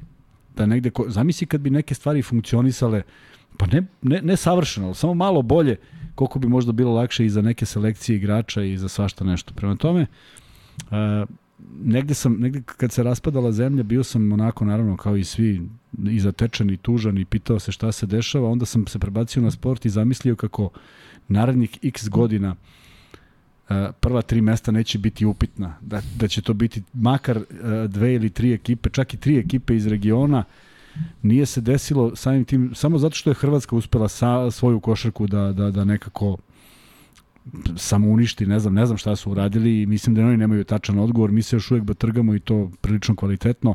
Crna Gora je izbila zbog velikog broja e, visokih momaka koji se dalje opredeljuju za košarku, pa im je destinacija sazrevanja možda Italija, možda Srbija, ali uspeju da naprave dobre karijere. Misterija su Slovenci koji su ja čak imam podatak da je u jednom momentu pre deseta godina vlada Slovenije uložila sva sredstva za sport su bila uložena u zimske sportove. Znači toliko da, ih nije zanimala ni košarka ni ni futbal. Tek futbal ih ne zanima da ulaže država, a, a nekako je košarka preživela zahvaljujući pre svega ovim momcima koji su zaista van serijski talenti. E, ovde ljudi pitaju kada će Freebet da baci na Francuze onda. Ajde. Ali ovaj, pa i sad ovo, kaže Antfox 37. Luka, uložio sam kuću na Francuze, ako padnem naću te, ali pazi, mm. dobro, ali ako dobiješ dve kuće, nađi me, onda, nađi onda opet. dolazim ja kod tebe ne, da živimo. Opet da. nađi. Tako je. E, šali se naravno Antfox 37, ali ajde bacimo jedan Freebet. Imaš Kuzma ajde. nešto nešto u, u glavi što bi pritom ovde ljudi jako dobre daju uh, ove 12 torke koje bi mogli da igraju zajedno, a slušajte kaže Michael Vronski 12 iz regiona. Micić, Dončić, Jaramas, Bogdanović, Blažić, Gudurić, Lučić, Bogdanović, Kalinić, Simonović, Jokić, Milutinov, Tobi. I Tobi je u 12. A pritom nema ni jednog Hrvata, nema ni, Dobro, nigde nikog. E, ali zanimljivo je, zaista. Ima, ima baš dobrih... Evo se za free bet. E, Kaži. Navedite tri igrača koja su bila na reklami Navijaj uz M&M. Daj širok kadar, Vanja, molim te. Raširi. Kako reklamira Kuzma ovde. Ovde Kuzma je neke dilove sa ovim sponsorima, posebno, znaš. Ima jede M&M po ceo dan. Ne vidi se ništa. Šta misliš? Ma, ne vidi se ništa. Ajde kako će prođe. Kako će prođe, nema šanse da znači odgovore. Ajde, navedite tri igrača, još jednom kažeš. Tri igrača koje su se pojavila u reklamnom spotu navijaju uz M&M. Pre 6-7-8 godina. Minimum tri. da. Navedite tri igrača, ajde ti reci još jedno. Kaži, ajde, priča. Koje su se, ne vidi se lepo, koja su se pojavila na spotu za navijaju uz M&M. Kuzma, Kuzma neće više dobijati e, ovaj, mogućnost da, da priča o free betima. Sad će ovde da, da nas razvale. E, Kuzme, smo spremni da pređemo na Holandiju kada dobijemo o, odgovore za free bet. E, pitaju nas ovde da treba da prokomentarišemo što su e, što su juniori u 3x3 vice šampioni sveta, mislim da su izgubili od Francuske, u Debrecinu se igralo. Ajde malo nam pišite o tome šta mislite o 3x3 generalno, zato što ja recimo znam dosta onih koji su iz košake koji baš ne gledaju ne gledaju na 3x3 pozitivno. Ajde sad mi odgovori ti Kuzma na ovo. Štimac Peković Bavčić. Šta s njima? O, je odgovor za free bet. Šta ćemo sad? Da li je čovjek rekao kako treba? Nije. Nije? Jordan Magic Pippen nisu bili za mene. Nisu.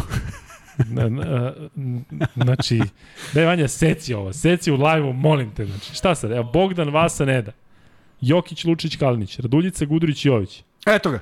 Taj. Stefan Todorović, e, nek pošalje MaxBet ID, sad vi koji ćete da pljujete ovde po meni, da psujete. Pa te, A nemam pojem. Ne, Kuzma, da Kuzma dali free betove, da, da ono, napravi haos na, na, na ovim društvenim mrežama. Tačan odgovor se našao, to je najvažnije. A Jordan Magic Sad Pippen krenu ovi svi što su odgovorili, pa ja sam rekao pa će da šalju ove i ove. Ne, imajte razumevanja, Kuzmo došao tek s mora, tamo je bio u nekim drugačijim ovim varijantama, ne zna da je free bet ozbiljna priča, ali ajde Stefan Todorović neka pošalje, zato što je akcija zaista šal na stranu bio na tome, ovi momci koji su uh, na M&M dresu koji je ovde ispred nas, koji Kuzma izvukao ko zna odakle. e, e, Stefan Todorović šalje za free bet, Kuzma da pređemo na Holandiju. Da li si uopšte gledao Holandiju? Ne. Da li? Pa što, što ima da pričamo? Pa nisam gledao da sam gledao celu utakmicu, da sam gledao celu utakmicu, ne igraju Jordani, mada bio neki Michael Jordan igrao za Spiru Charlotte. Yes, ja ga ne bih potpisao, da se tako sad, zove. Ima sad isto neki. Ne, Michael Jackson ima neki. Michael Jackson. Da, da. E, a, jednostavno ovaj, jedna škola, jedna, jedna, jedna košarka koja nigde nije... A, koja je uspela nekako da se probije, ali na primjer ako poredimo sa Belgijom koja mnogo više ulaže i koja je imala organizaciju Ulep Kupa, ako ništa drugo godinama za redom, gde su dolazili najbolji evropski timovi iz tog takmičenja, nekako je to tradicionalno postalo mesto koje je ipak okupljalo malo više košarkaša i eto, vidiš, oni su sada negde jedna od reprezentacija bez koje se više evropsko prvenstvo ne, zamišlja, ne, ne zamišlja, a Holandjani to nisu uspeli, imaju mnogo drugih sportova u kojima su bolji, pa čak su jedno, u jedno vreme u odbojci bili neprikosnoveni.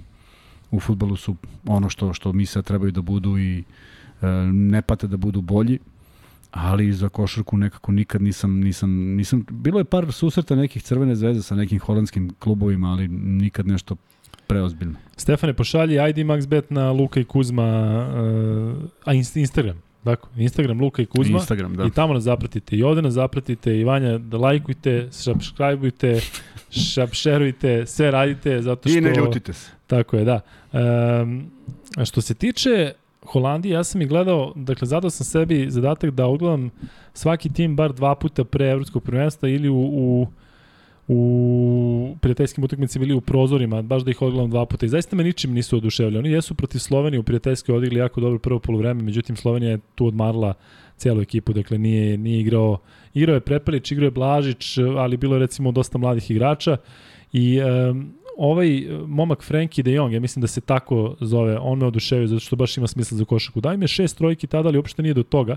Promašio je jednu uh, kada je trebalo za kraj, ali šutira recimo 6 od 9 iz igra, ali igra pametno. Međutim, taj Klof, koga recimo ovde neko pomenuo kako je dobar, taj Klof je baš nestabilan. Dakle, momak koji šutira tako beko i šutne, pa pogled loptu drugi obruč na jednom i odbije se da, da izađe iz kadra. Dakle, uopšte me ničim nisu oduševili, imaju nekoliko igrača koji su pristojni, pokretni e, što se tiče centara, to je ono što sam ja video protiv Slovenije. Mislim da im je najbolji, e, da im je najbolji član ekipe, neku u stvari koga najviše znamo, to je, to je trener Buskalja, koji ipak ima neko ime koje je gradio u Italiji kroz Trento i kroz neke druge timove, ali generalno, e, kažem, zaista ne vidim način da oni mogu da nam pariraju. E, tako da mislim da je idealno čak da oni u ovakvoj grupi budu prvi protivnik, da protiv njih probamo neke akcije, da Milutinova sačekamo i ostalo. Tako da taj meč sutra u 21 čas zaista ne vidim kao bilo kakvu tako uzme, ne, ono nije bilo kakva pretnja da, da, da mi od Holandije izgubimo, da ne, ne bi smelo da se ne, desi. Ne, zato što ne, ipak, se razmišlja uopšte. Da, oni mogu možda da nas uhvate na, na oruk, onako prva, druga četina, da nešto, oni, oni igraju oni, brzo. Oni mogu da igraju brzo, mi treba da igramo naše nešto, i to je to, bez neke nervoze i to je to. Ima onaj Franki isto je korektan igrač, ali ne više od toga, korektan je za, za te Antwerpen Giants i ostale gde, gde igra veliki broj njih. Tako da, što se tiče Holandije, nećemo se čak toliko ni zadržavati na tom meču. Ajde da pričamo, Kuzmo, o toj grupi gde su još pored nas Poljska, Finska, Češka i Izrael. E, ko ti je tu recimo naj, najjači protivnik? Saturanski ne igra za Češku, ja sam hvalio Češku kao tim koji je uspeo da dođe do olimpijskih igara, a mi recimo nismo. Međutim, Saturanski neće igrati ovu prvu fazu takmičenja, drugo igra se u Češkoj, jer kada si malo pre pričao o tome da bi mogao neko da nas iznenadi, da li ti neko deluje konkretno? Finci, jelno su nezgodni, imaju Markanena, igraju... Finci zbog, zbog načina igre, a mi e, protiv Slovenije smo pratili taj, taj stil igre. Nismo igrali našu igru, nismo ni protiv Italijana igrali našu igru i kažem, ako mi igramo ono što, što mislim da treba da igramo polagano i, i na tenane i da tražimo najbolje opcije u napadu, i da te igrače koji vole brzo košarku ubacimo u jedan defanzivni... Da, izvini, kaže ovde Frenkie de Jong je futbaler Barcelona, jeste Vorti de Jong. Tako je, ovaj momak što je pritom je najiskusniji tamo i igrao je samo celu karijeru u holandskoj ligi. Šta kažeš? E, sad sam zaboravio. E, jeste. Dakle, da, da ne ulazimo ni u kakvu jurnjavu, oni su atipični i oni će igrati svoju igru šta god se dešava na terenu. Plus 20, minus 20, potpuno svejedno, nema tu čuvanja rezultata. Ali, 39-38 za Francusku. Hvala, idemo da, dalje. Ali, ono što hoću da kažem, kad ubaciš jedan takav sistem, koji, e, takve igrače koji su lepršavi, u 22 sekundnu odbranu, ej, malo utuži kada mi dajemo poene kao što smo davali na utakmici uh, protiv, Grčke, uh, protiv Turske, uh, kada protiv Nemačke svaki napad odigramo do kraja, dakle, znači, niko ne voli to da, da, da, da provede toliko odbrani protiv ozbiljno snažnih igrača, jer ono Jokić kad uradi nešto, to telo je toliko jednostavno, kao da nema nikoga, a ne mogu da zaboravim kako našta je Meli ličio u trećoj četvrtini, više nije mogu da diše posle toliko grvanja i, i sa njim i sa... Jesi igrao tako za nekim igračem ili protiv nekoga gde zaista vidiš da to što kažeš da uzme loptu i da, da ima pet opcija, neko ko sve vidi na terenu. E, mislim, A da recimo čak možda i nije play. Pa vidi, ovo ima, o, Jokić ima mozak playa, dakle on vidi sve. Da te podsjeća malo Jokić na Bodirogu? Na Bodirogu, da. Mislim da je Bodiroga bio taj koji iz šuta mogao da nađe, da nađe A rešenje. obojica deluje onako, da kažeš, Da. atipično, u Da, smislu potpuno. deluje kao da su malo trapavi, svetu, a da. u stvari su... Ispašće mu lopta, a u stvari Sve onaj- radi, s- kako Uh, zamisli. Jeste. I vrlo je bitno da, da, da on to zna da... Uh, ja, vidi, ja sam ne fasciniran kad on otvori utakmicu i da onih 12, 14, 16 pojedna u nizu. Znaš, nije mi to fascinantno u smislu vidi kako se on igra. Naravno, prija, ali mnogo nam je bitno da imamo razigrane, razigrane igrače. Jer kraj utakmice može da se dočeka u nekoj drugačijoj, u drugačijoj priči. Uh, ja volim da gledam njega kada, kada rešava sve što rešava i ono što je vrlo bitno nije nije sebičan. Dakle, on će razigrati igrače oko sebe. I mislim da ove utakmice treba da nas služe upravo za to. Za jedno samopouzdanje, da ti kada na tih pet utakmica koje nas čekaju šutneš 12, 8 trojke, pa u utakmici osmine finala nema uopšte opcije da promašiš. Dakle, da ti ulaziš sa jednom sigurnom igrom i da svako, a znaju se već sad zadaci, kažem, jedino može da ne zna zadatke Ristić, koji je malo proveo na parketu, Uh, možda će imati pritisak da zameni Milutinova. Ne verujem da bi, ne bi trebalo, ali možda će, ipak, je, ipak su utakmice za nijansu lakše od ovih što smo igrali. I Nedović koji mora da nađe neku svoju poziciju. Ja bih voleo da ga Pešić ne forsira mnogo na kecu. Nedović uopšte. zdrav?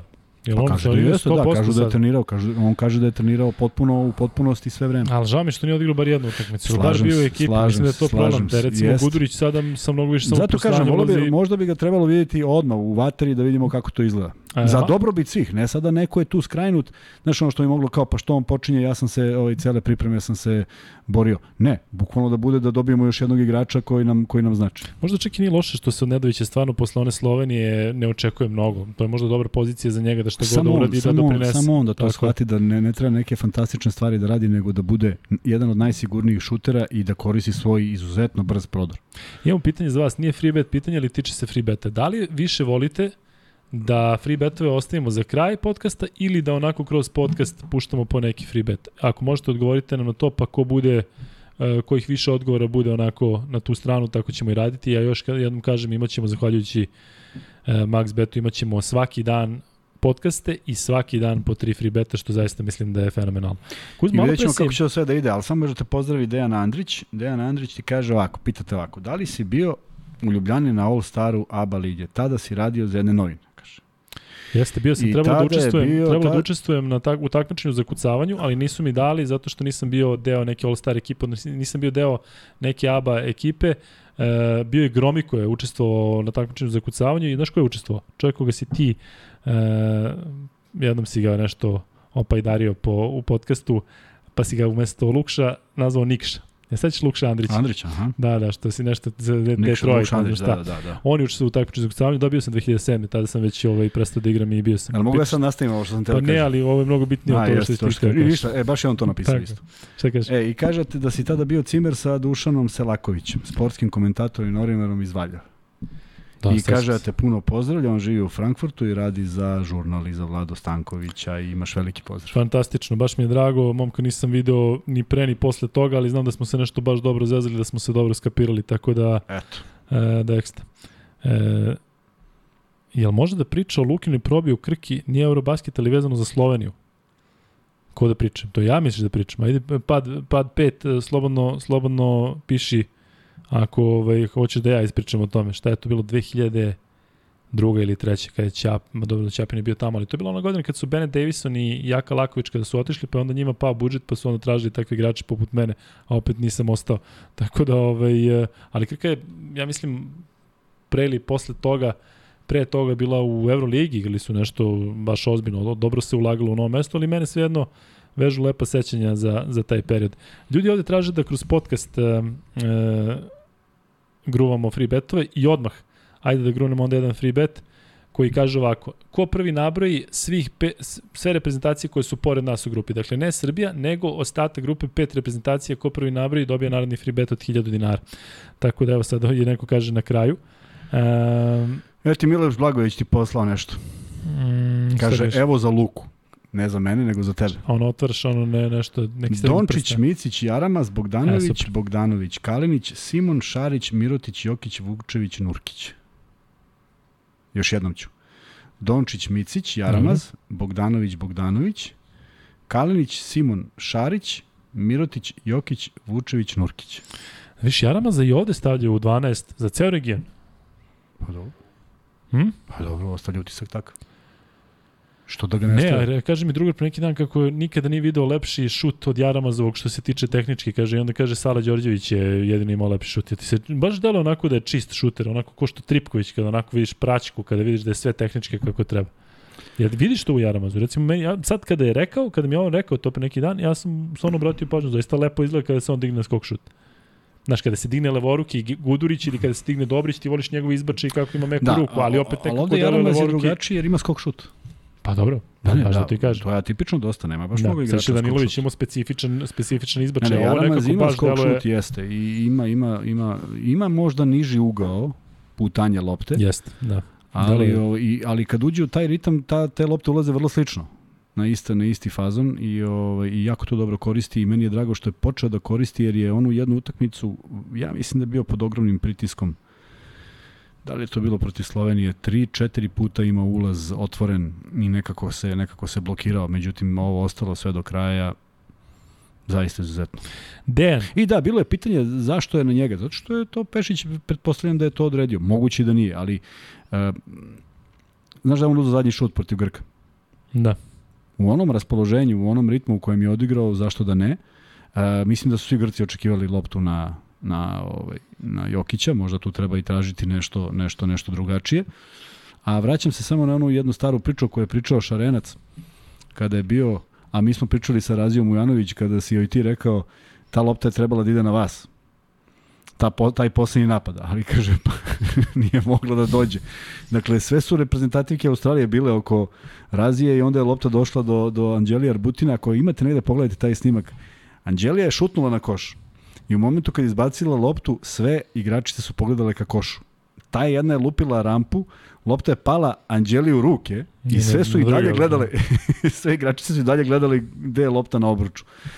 I postigla da. taj čuveni koš. E, prvi koji je odgovorio svih pet reprezentacija je Jovan Gvozdić, Poljska, Finska, Češka, Izrael, Holandija. Tako da Jovan Gvozdić dobija drugi free bet e, u ovom podcastu. Kuzma, da se nadovežem na ovu priču, da kažeš da je lopta išla na Jaramaz.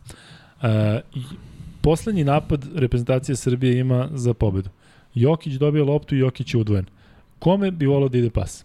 Na tri. Iz naše reprezentacije. Gde bi volao da najsigurnija ta lopta bude? E,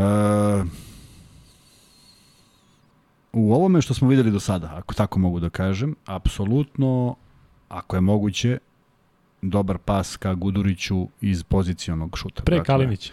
Ne, ne, ne. Govorim ti, zavisi od rasporeda. Ako je Kalinić na parketu, uh, ne, može, ne mogu svi da stanu u šuter. Neko mora stoji negde gde Ne, nije. ne, ali ko je tebi najsigurniji? Neko sada u ćošku ostane samo od naših reprezentativaca. Ko bi ti volio da to bude? Dakle, govorimo sada da je udvojio čovjek I- sa toga i pas ide na to. Ko je taj? Ne znam, ne znam. Po, po samopouzdanju mi je Kalinić, ali po, po onome što je pogodio u ovim utakmicama Gudurić. A Vasa, Znamo. jel imaš recimo osjećaj da bi Vasa mogao da bude klač igrač kao što je u FS? Ali, ali Vasa? Vasa obožava da uh, govorimo o povratnom pasu. Ja mislim da Vasa sam sebi može nađe poziciju mnogo jednostavnije nego da čeka neki pas.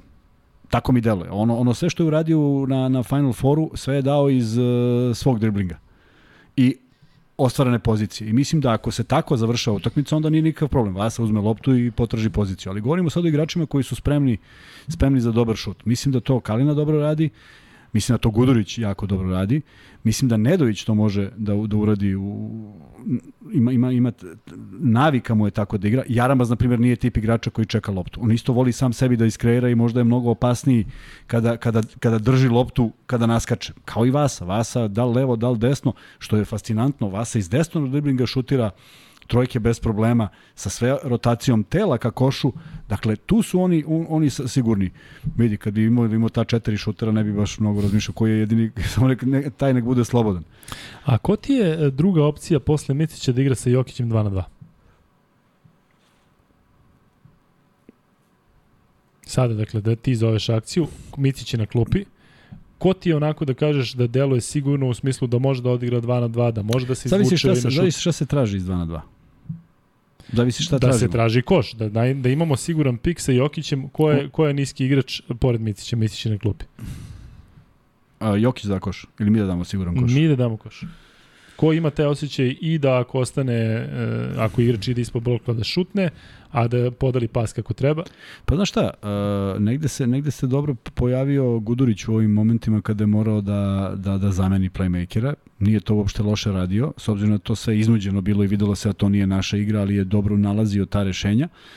Uh, zavisi sve šta je, uh, da, da li je šut za njega, da li je šut za, za, za centra, da li žele da se preuzme, sve zavisi šta je ideja. Međutim, žao mi je što nemamo tog još jednog uh, još trećeg playmakera, klasičnog, koji god, potpuno svejedno. Neko profil Stefana Markovića u smislu košgeterski, znači nevažno šta je košgeterski, nego da bude baš to za te minijature. Žao mi je što nemamo, nažalost tako je ispalo, uh, i što se povreda nekih tiče i samo zaista bih volao da vidim Vasu Micića i Jaramaza na poziciji playa. Ako dolazi do zamene i nešto što nije onda organizacija igre, nego je ajmo da se snađemo u ovih 7 minuta dok, dok, dok malo odmaraju playmakeri, onda Gudurić može i Kalinić da drži tu loptu, može da nađe rešenje. E, mislim da da moramo da modifikujemo igru u momentima kad ovi nisu kad ovi nisu tu i da ne igramo ni približno isto, nego da igramo efikasno. Najjednostavnije, 2 na 2, bilo ko na strani, samo da to budu ljudi koji dobro barataju loptom i da se zna šta je posledica tog 2 na 2. Dakle, šta tražimo? Šta tražimo? Da li tražimo da, da, da se preuzme pa je lopta Jokić, da li da se ne preuzme samo da se napravi finta pick and rolla, da se spusti lopta? Šta je, šta je, šta je ideja iz svega toga? E, da smo svi zdravi, da su svi zdravi u reprezentaciji u 12, ko ti je startna dvojka? Da su svi zdravi, ovi da. koji su koji... sa ovih 12 koji se idu da, ja startovao bi, ja bih ja bih ovaj um, meni bi meni I ko ti je backup dvojka? Meni bi ovako 3 4 su mi Kalinić i i i Lučić, to, to bez sumnje. Pet Jokić, Pet Vasa Keci, ovo je jedino gde ne znamo gde onako možemo da da pa, samo nagađamo. Pa vidi, bi bio Dobrić, realno da, dvojica. tako je. Bio da. bi mi Dobrić. Ovako bi mi u zdravoj situaciji bio Nedović. A čekaj, bi ti stvarno bio Dobrić da je u 12 da startuješ sa njim u 5? Vanja Marinko Ilić i Dobrić. Mislim, podjednako... A Gudurić i Nedović? Ne, Gudurić mi više tri. Ne bi Gudurić je stavljeno? Ne, ne, ne, nema razloga. Nema razloga, čuvaće niže igrače mnogo. Mnogo niže igrače od sebe. Oni a, su ipak veliki. A Nedović da je sve normalno i da je... Da, on bi, on bi 1-2, 1-2, Nedović, 3 Kalinić, 4 Lučić i 5 Jokić. A Vanja i e, Jaramaz između njih dvojice kada bi trebalo da, da biraš. Neko mi deluje da Jaramaz kad uđe sa klupe da možda je onako... On donese jednu, jednu Tako ozbiljnu energiju, ubrzamo dosta. Da. Uh, on treba da bude taj koji čuva loptu. Dakle, od njega zavisi da li će nekome da se doda lopti, da li ćemo igrati brz napad. Ja mislim da je dovoljno dobro da mi napravimo pometnju, pa ako se stvarno nešto otvori, zašto da ne, ali ne po svaku cenu. I odgovornost playmakera jeste na njemu je da li dodaje loptu. Ne može on da bude u dobroj poziciji, on kaže pa mislio sam da je dobro ili bacio sam visoko, jednostavno od tebe zavisi kod tebe. Možda je nekad bolje sačuvati i mislim da kada Jaramaz uključi sav svoj fokus i racio, on igra mnogo bolje kada ne dodaje te lopte koje su riskantne. Možda jesu, možda jesu korisne, ali videli smo kad je Jokić pokušao sa, pokušao sa korisnim loptama kako smo otvorili utakmicu protiv, protiv uh, Grčke bezbroj izgubljenih pasova i on mora shvatiti da je taj teren malo uži i da nekako drugačije se igrači čak i vraćaju u odbranu. Tako da e, e, Vanja Marinković me oduševio e, činjenicom da, da, da bez obzira koliko mu u nekim utakmicama šut nije služio, on je davao taj svoj neki maksimum, pa i šut proradio, pa je dao neke bitne poene i očigledno da on veruje u sebe i da mu prija poverenje Pešića iz prostog razloga što ako poredimo njegovi Dobrićeve minute, Vanja je mnogo više proveo na parketu u tim svim utakmicama. Tako i... je. Prema tome vidi se da ovo ima poverenje u njega. Ne mislim da ga je zloupotrebio, ne mislim da uopšte on da ima u glavi da ga zloupotrebi, da će raditi nešto što mu nije u opisu posla. Tako da su oni, da, apsolutno neko ko može da zameni uh, ovu dvojicu. E sad, tu, tu Gudurić može da uskoči umesto Kaline ili Lučić može da se povuče na neku trojku, uh, pa da neka druga četvorka bude Davidovac da bude Davidovac da bude u igri sa Jokićem i sad ima različitih rotacija, verujem da su isprobali sve, ali mislim da smo dobro popunjeni na svim pozicijama, samo što mi fali taj jedan treći playmaker koji je negde 12. I zašto bi ja volao da je niski igrač u ovih, u ovih 12, još jedan niski igrač, zato što je to nekako, nekako vrlo bitno da se stane na loptu, a svi oni imaju dovoljno iskustva da to mogu da urade. Pominjali smo sve igrače koji su bili u rotaciji, koji su bili na širem spisku, koji su bili povređeni, a možda su igrali. Kako bi recimo, sad je ovo šta bi bilo kad bi bilo, ali da li bi ti se Avramović da je zdrav uklopio ovih 12? Baš kao taj recimo treći. Vidi, ja mislim, ja mislim da bi sa striktnim uh, instrukcijama, koje, on, ko, koje bi on kroz pripreme mogao da pokaže da li može da, da, da, da uradi ili ne. O, konstatovali smo ovde neverovatna energija igrača i kad bi ona bila fokusirana stalno u jednom smeru, to bi bilo, on bi bio paklen igrač. Od one neverovatne partije protiv Zvezde do narednih 6-7 kola pitaš se da li je tu. On bleda senka samog sebe. Ničim izazvano, jednostavno to, to, to nešto što ima, to mora da, da, da kontroliše da, da to traje. Neka čak i bude na nižem nivou, ali da traje. Ja mislim da je on defanzivno izuzetno po znacima navoda dosadan, zna da igra, da, da, da, da optereti nekoga i tu, bi, tu bismo imali veliki kvalitet što se toga tiče, podređenosti kolektivu, a u napadu bi zavisilo od toga kako se uklapa u tim nekim prepoznavanjima situacije. Ja igrao sam sa mnogo igrača koji kada se nešto desi na terenu što smo svi hteli, on ne prepozna momena dodavanja. I onda propadne sve to što si radio, on nikada ne razume u stvari zašto se radila ta akcija. E, Avramović, ako bi to savladao, da on tačno zna šta se dešava kao uzročno posledična situacija a, jednog bloka ili jedne kretnje, mislim da bi bio mnogo i da na tome treba da usmeri svoj fokus i mislim da je tu negde Obradović od njega to tražio ove godine da on bude što prisutniji a ne a ne da razmišlja o ne znam čemu i da da ovaj da da se veseli pre, previše se veseli, previše uživa u nekim potezima, a utakmica kad se završi uživa u čemu god hoćeš. Tako da mi je žao što se povredio jer mislim da bi on doneo tu neku još jednog igrača kojeg, na kojeg bismo mogli da računamo. Pitanje kakva bi onda konstelacija bila ako je odlazak Kristića prouzrokovan bolešću uh, Milutinova. Bila bi još veća gužva, konkurentnija da. priča i onda bi bilo još možda drastičnije iseći dva igrača. Jug 1970 ovde uh, baš što si, što si sad pričao pominje, kako mislite da je problem što posle povreda Ramovića nema dvojku koja igra odbranu, ali uh, evo da se nadovežemo na to, da li misliš da nam fali jedan taj ono striktni defanzivac. Eto, pominješ Vramović, ali recimo Lazić, Jović, neko ko je dosadan ko će da juri mora, sada te neke... Lazić jeste, Lazić jeste neko koga smo mi, koga je, koga je sam, on je sam sebe isprofilisao kao defanzivnog igrača. I onda smo ga gledali u jednom izdanju kod Obradovića da nije ličio napadački apsolutno ni na što. Onda je došao Radović, onda on, ja mislim da pet utakmica nije promašio trojku A mislim da je bitno to što se vratio Radonjić. Tako je, to je poverenje. Dakle, ako ti nekom daš poverenje da on može da opali, ja ne sumnjam u Lazićev šut. Ja mogu da sumnjam u Lazićev ulaz u smislu da li će da iskreira nešto lepo. Neće.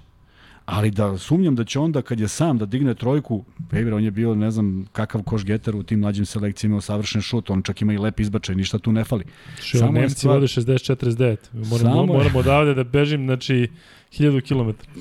Ovaj, Samo je stvar samopouzdanja koje on dobio, ali nam, ne, ali nam ne treba takav jedan za prvenstvo. Treba ti neko ko je ipak, ipak kreativni. Pazi, taj Avramović može da izmisli koš. On zaista kad krene prvo elevaci, levoruci, levoruki igrači su atipični. Ne zavrću loptu na isti način. On može da nađe nešto što niko video na terenu nije. Ali potreban je taj fokus i meni je žao što on nije proveo sa Pešićem više zbog toga što bi mu to bilo jedno ja mislim da je svima njima to jedno novo iskustvo da se u sagledavanju košarke i, i nekih nekih uh, nekih proizvoda, nekih akcija koje su radili kod njega.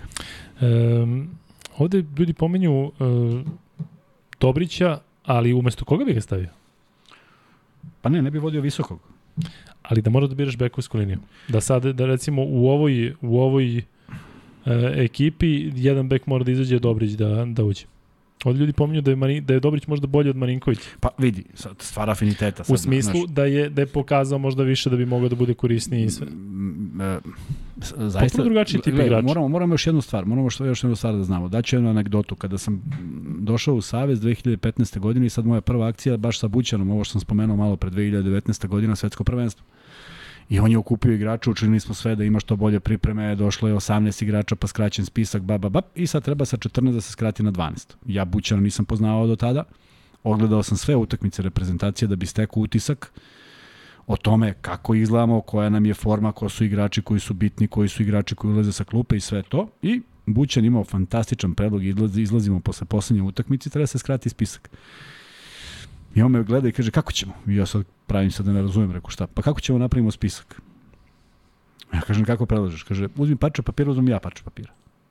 I pišem. I sedimo jedan naspram drugoga sa blokčetom i pišemo. I znaš u kojem smo se mimo išli? U, U 12. Da, pričao si. U 12. zato što ga on doživljava kao trening. Dakle, mi ne možemo znamo kako funkcioniše Vanja Marinković, Dobrić, Nedović i svi oni na treningu. Negde trener uspe da prepozna upravo ono što mu nedostaje. Znaš, uspe prepozna da će od pet nekih pasova Vanja Marinković biti u stanju da preseče četiri.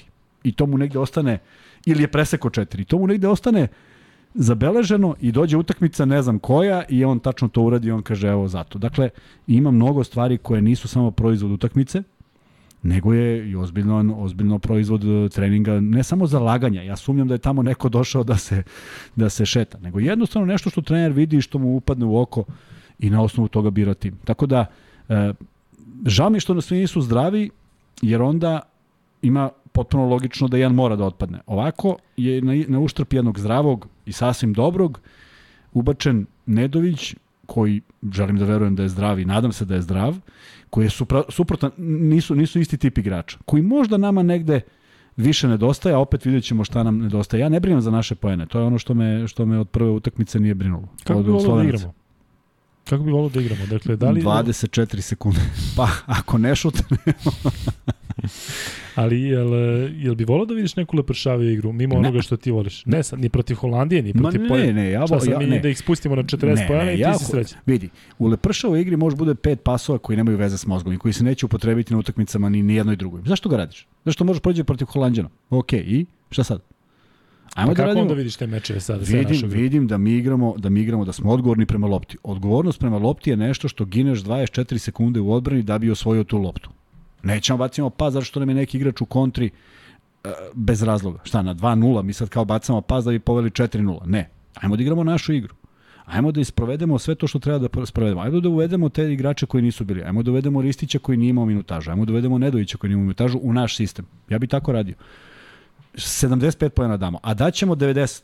Jer mi ne možemo, mi imamo ozbiljan arsenal u napadu, kako god. Samo da, samo da ga ne, ne, ne zloupotrebljamo, samo da ne jurimo, jer nemamo razloga da jurimo. Nijedan naš igrač ni u jednom svom klubu ne juri.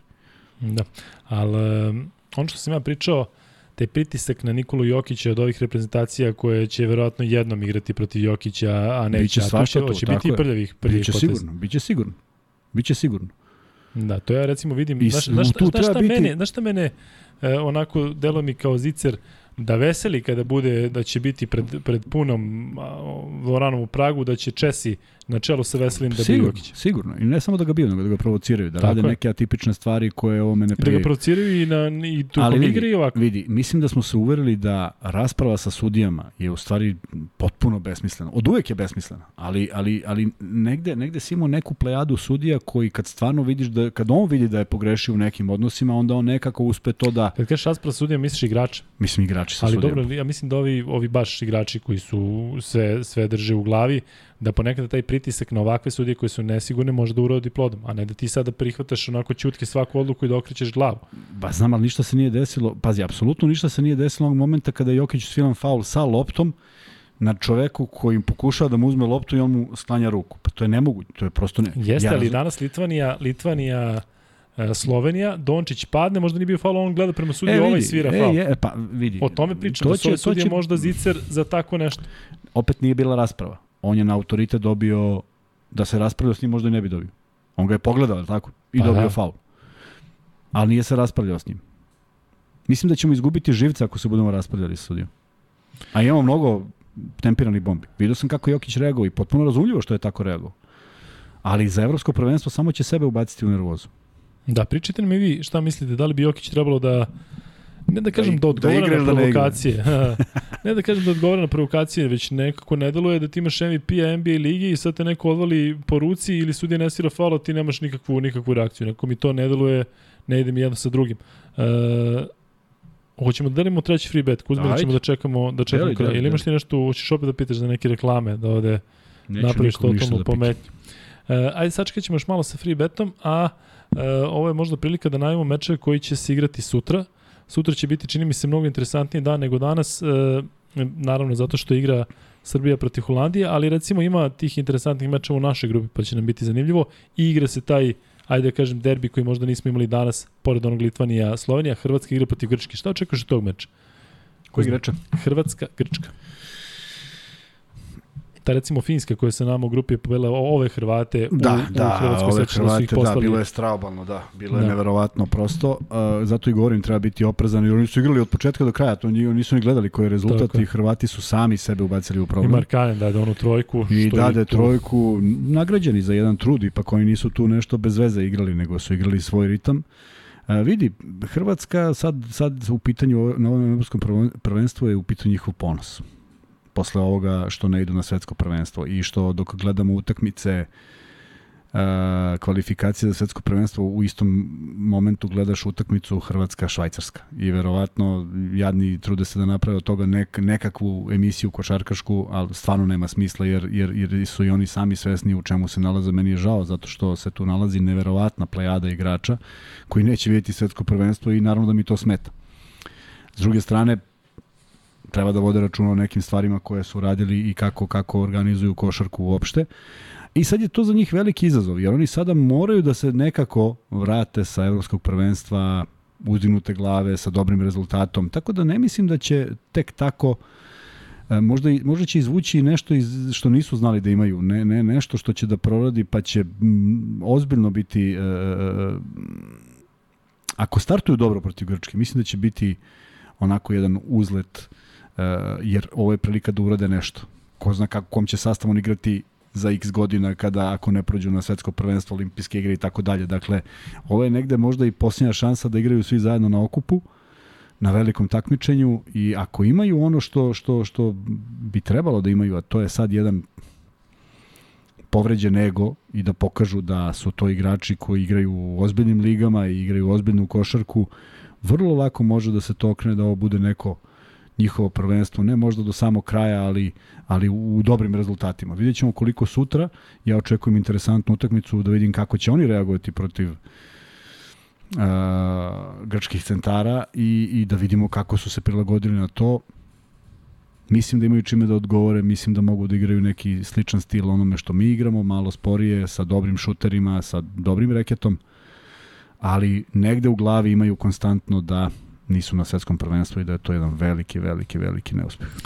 E, Nemačka vodi protiv Francuske, očigledno će taj meč dobiti. Ja sam se vodio kada sam pričao ono malo pre, nemojte da me neko stvarno shvati ozbiljno, ali e, Nemci su zaista protiv nas pokazali malo, igli su bez šudera. Koliko Kuzma te utakmice koje smo videli u, u i u prozorima, ali pre svega onim prijateljskim mečima, koliko tu zaista može da se sakrije? Ti Nemci koji su igrali protiv nas su izgledali potpuno kao jedna raštimovana ekipa, bez šudera, istina, ali evo sada protiv jedne realno jake Francuske, koliko god se to nekome dopadalo ili ne. Vi znate šta sam ja, ako ste gledali ranije, govorio o Francuzima i o Gubero, Guberovoj plavoj kosi, ali e, da li je nekada pametno da trener sakrije karte? Mada mislim da oni to nisu radili na utakmici protiv Ali nas. recimo mi nismo imali gde da sakrijemo karte. Igramo protiv Grčke, igramo protiv Turske, pre toga treba ti pobed Mi- da se uči protiv ne, ne, Italijana. Ne, Mislim, mislim da je dobro da su kad su normalne okolnosti, pa ti ulaziš u nekim pripremnim utakmicama koje nisu toliko bile javne, neke su utakmice nisu se sve snimale i puštale. Ali mislim da može da postoji. Međutim, ako pričaš o Nemačkoj, e, ja mislim da smo njih uvukli jedan strahovit ritam naše igre, da potpuno nisu mogli da izađu iz njega i sve što su radili su radili iza linije za 3 poena. I onda su paradoksalno šutnuli prvi penal faktički na domaćem terenu, kod njih se igralo u posljednje minutu utakmice, što govori o nekoj njihovoj agresivnosti, ili smo mi to dobro zatvorili, kao što nijednog trenutka nismo pričali o tome kako smo mi dobro zatvorili Larkina u celoj toj priči. Nigde nisam, zaboravio sam da spomenem kako je izuzetna odbrana bila, na, natrali smo ga doda loptu kad šutne, nema veze, kada samo nikad nije bio sam i nikad nije igrao ono što je želeo da igra i vidjelo se koliko u stvari njega zaista nadopunjuje Vasa Micić i sad negde ako je bilo verovanje Larkin Micić, mislim da je u poslednje dve godine to malo se promenilo. Pa otuda i njegov respekt prema Vasi koji igra ipak drugačije u košarku i mnogo više znači našoj reprezentaciji bar po ome što je prikazano nego što je Larkin doneo Turskoj u nekom u nekoj smirenosti, u nekim dobrim odlukama. Uh, mislim da mislim da smo uspeli potpuno Nemce da izolujemo i da nas ne zanima koju igru oni igraju. Ali smo im zatvorili reket. I oni faktički nisu dobili sve faulove koje smo napravili, napravili smo na zemlji. A to taktika za uvek, ne samo protiv Nemačke. Da Tako malo je, da malo je, pustiš da, je, da se sve je. svodi na šut za 3 Tako poena, pa ako krene, tako krene. je, pa nema veze. To smo i sa Italijanima radili u drugom polovremenu. Odlično. Tako. Tako. pa, zato što nisu imali snage više da, Da. uđu u reket, zašto je reket bio potpuno zatvoren, pa su to bili šutevi koji su više iz očaja i ne, neke, neke ne pozicije. I Turci šutiraju celo drugo polovreme iz nekih pozicija koje su atipične. Pogodili, bili sveži, bili nadomak debakla, pa proradilo, ali ne bih se nikad uzdao u takvu igru. Čak ni protiv recimo Finjske koje ipak se vodi nekim ne, šutima za ne, 3 mi poena. moramo da ih ubacimo u problem, da mi nateramo te ljude da igraju odbranu i da ih nateramo u problem sa faulovima. Našom igrom, našim, našim, našim diktiranjem tempa, da imamo dovoljno, imamo 12 igrača koji mogu da zaustavljaju te njihove kontra. Kad se Finskoj zaustavi kontra, to je drugačija reprezentacija. Ta neka tranziciona igra.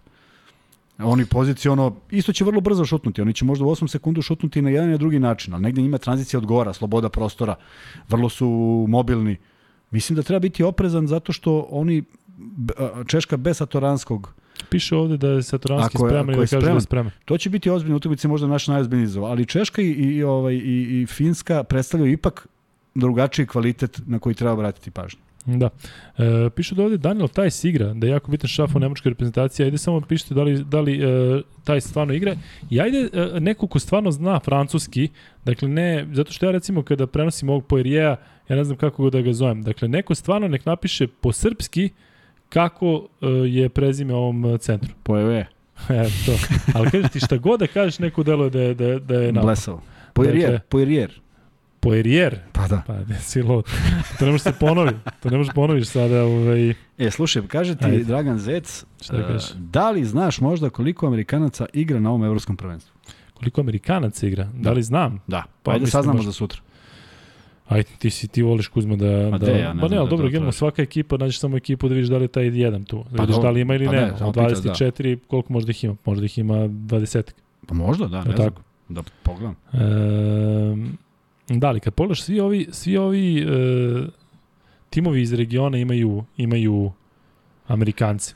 Ne znam zašto to me forsiranje. Ajde Slovenija je pokazala da to eto možda im koristi na nekoj visokoj poziciji. Bosna toliko dugo. Hrvatska toliko dugo. Pa si kao tražio neko. Zašto dovodiš? Ili bi doveo Jelena Smitha kad imaš takvu, takvu spoljnu liniju?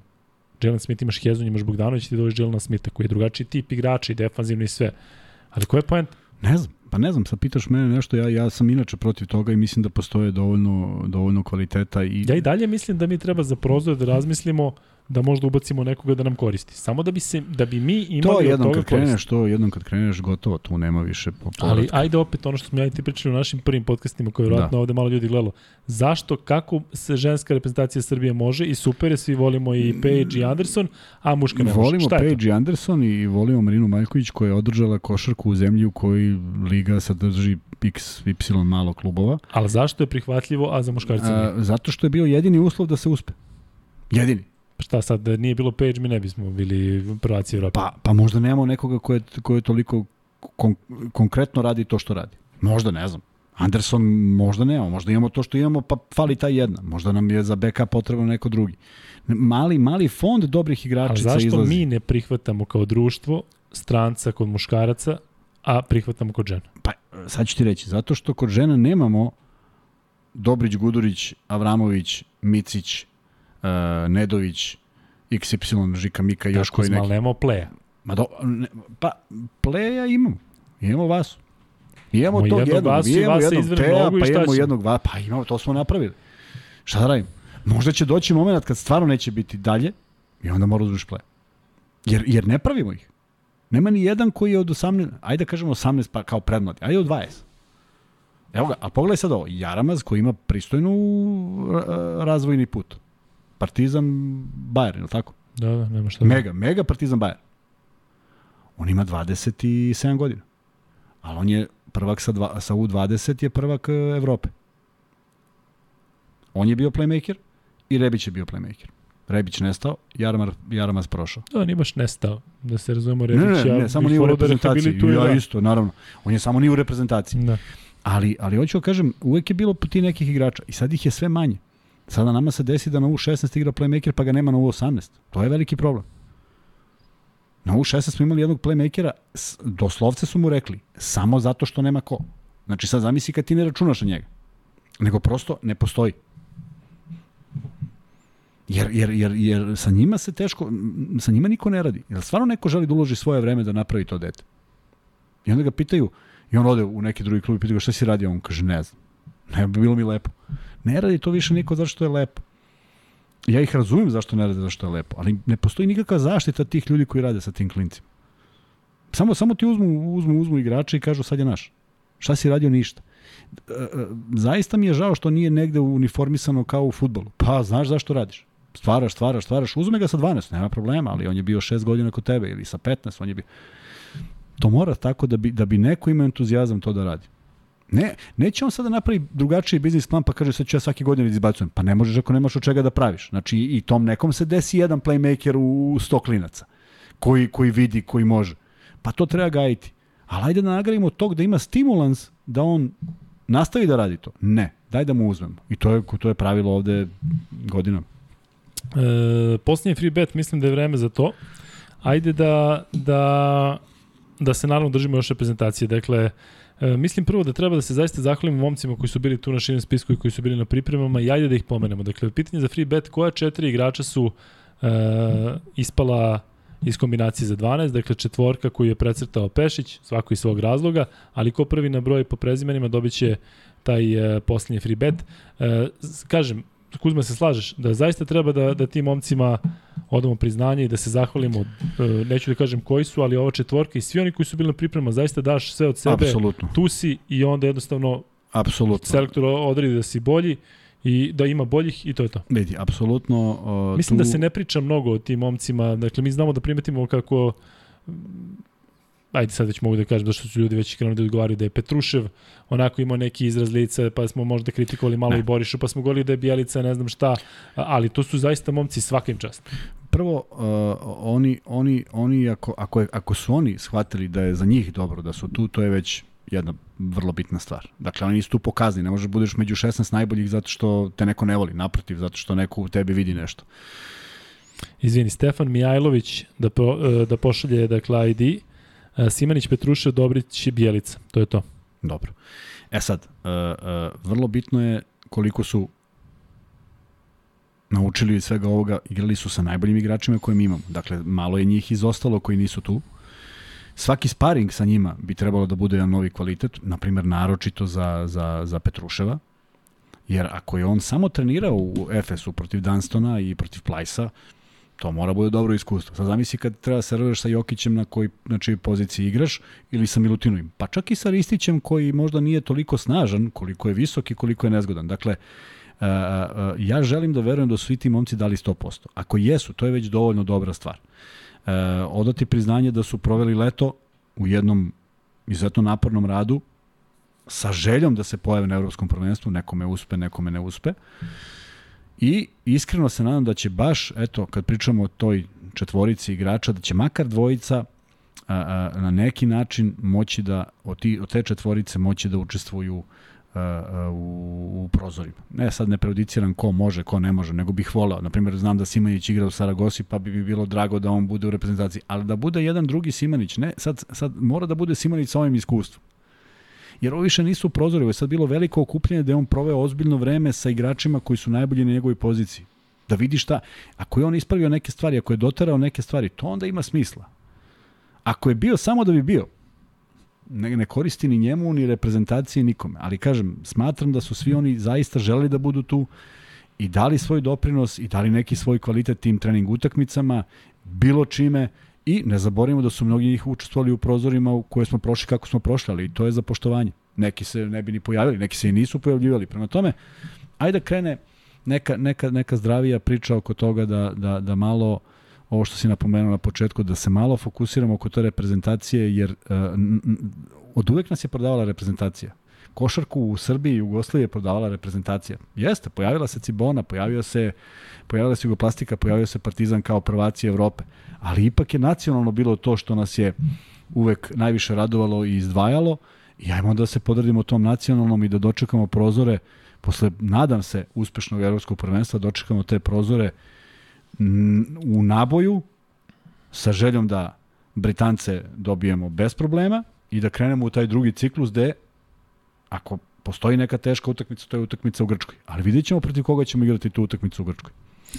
E, da, e, evo nas na hiljadu pratilaca u live-u i hvala vam puno i stvarno lajkujte, da i sada zaista deluje bez veze, imamo 200 lajkova, imamo 1000 ljudi u live-u. Uh, ulazimo u poslednji deo podcasta gde ćemo odgovarati isključivo na vaša pitanja, dakle postavljajte sada pitanja koje ćemo videti uh, i koje ćemo moći da, da, uh, da posjetimo deo odgovorima i da znate da nećemo sada u ovim uh, live-ovima tokom evropskog prvenstva trajati 5 sati. Dakle, imaćemo sigurno goste tokom ovih 20 dana, dakle nije sporno, ali potpuno je suludo da da trajamo sada 5 sati. Dakle, ja i Kuzma smo pričali, mislimo da je 2 do 2,5 sata optimalno da se traje. S tim što još jednom naglašavam, nećemo imati fiksni termin zato što evo danas počinjemo u 9, ne možemo sutra da počnemo u 9 kada ćemo svi zajedno gledati, gledati Holandiju protiv Srbije. Tako, i još jednu informaciju koju sam želeo da podarim, mi smo Ajde. sada trenutno na 536.000 pregleda i hvala vam puno na tome. Dakle, nekad smo, nekad smo putovali i putovali do 100.000, a sada ne bih mogao da vam kažem kojom brzinom smo došli do svega ovoga, zahvaljujući vama i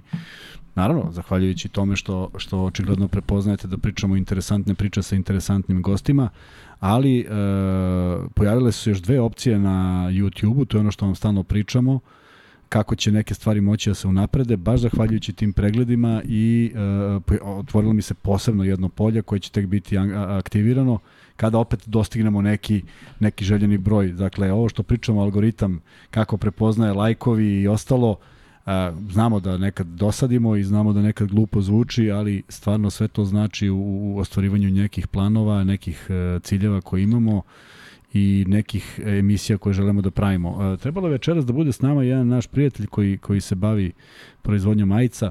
Uh, mislim da nije uspeo da dođe, a želeo je da bude zato što je veliki fan podcasta.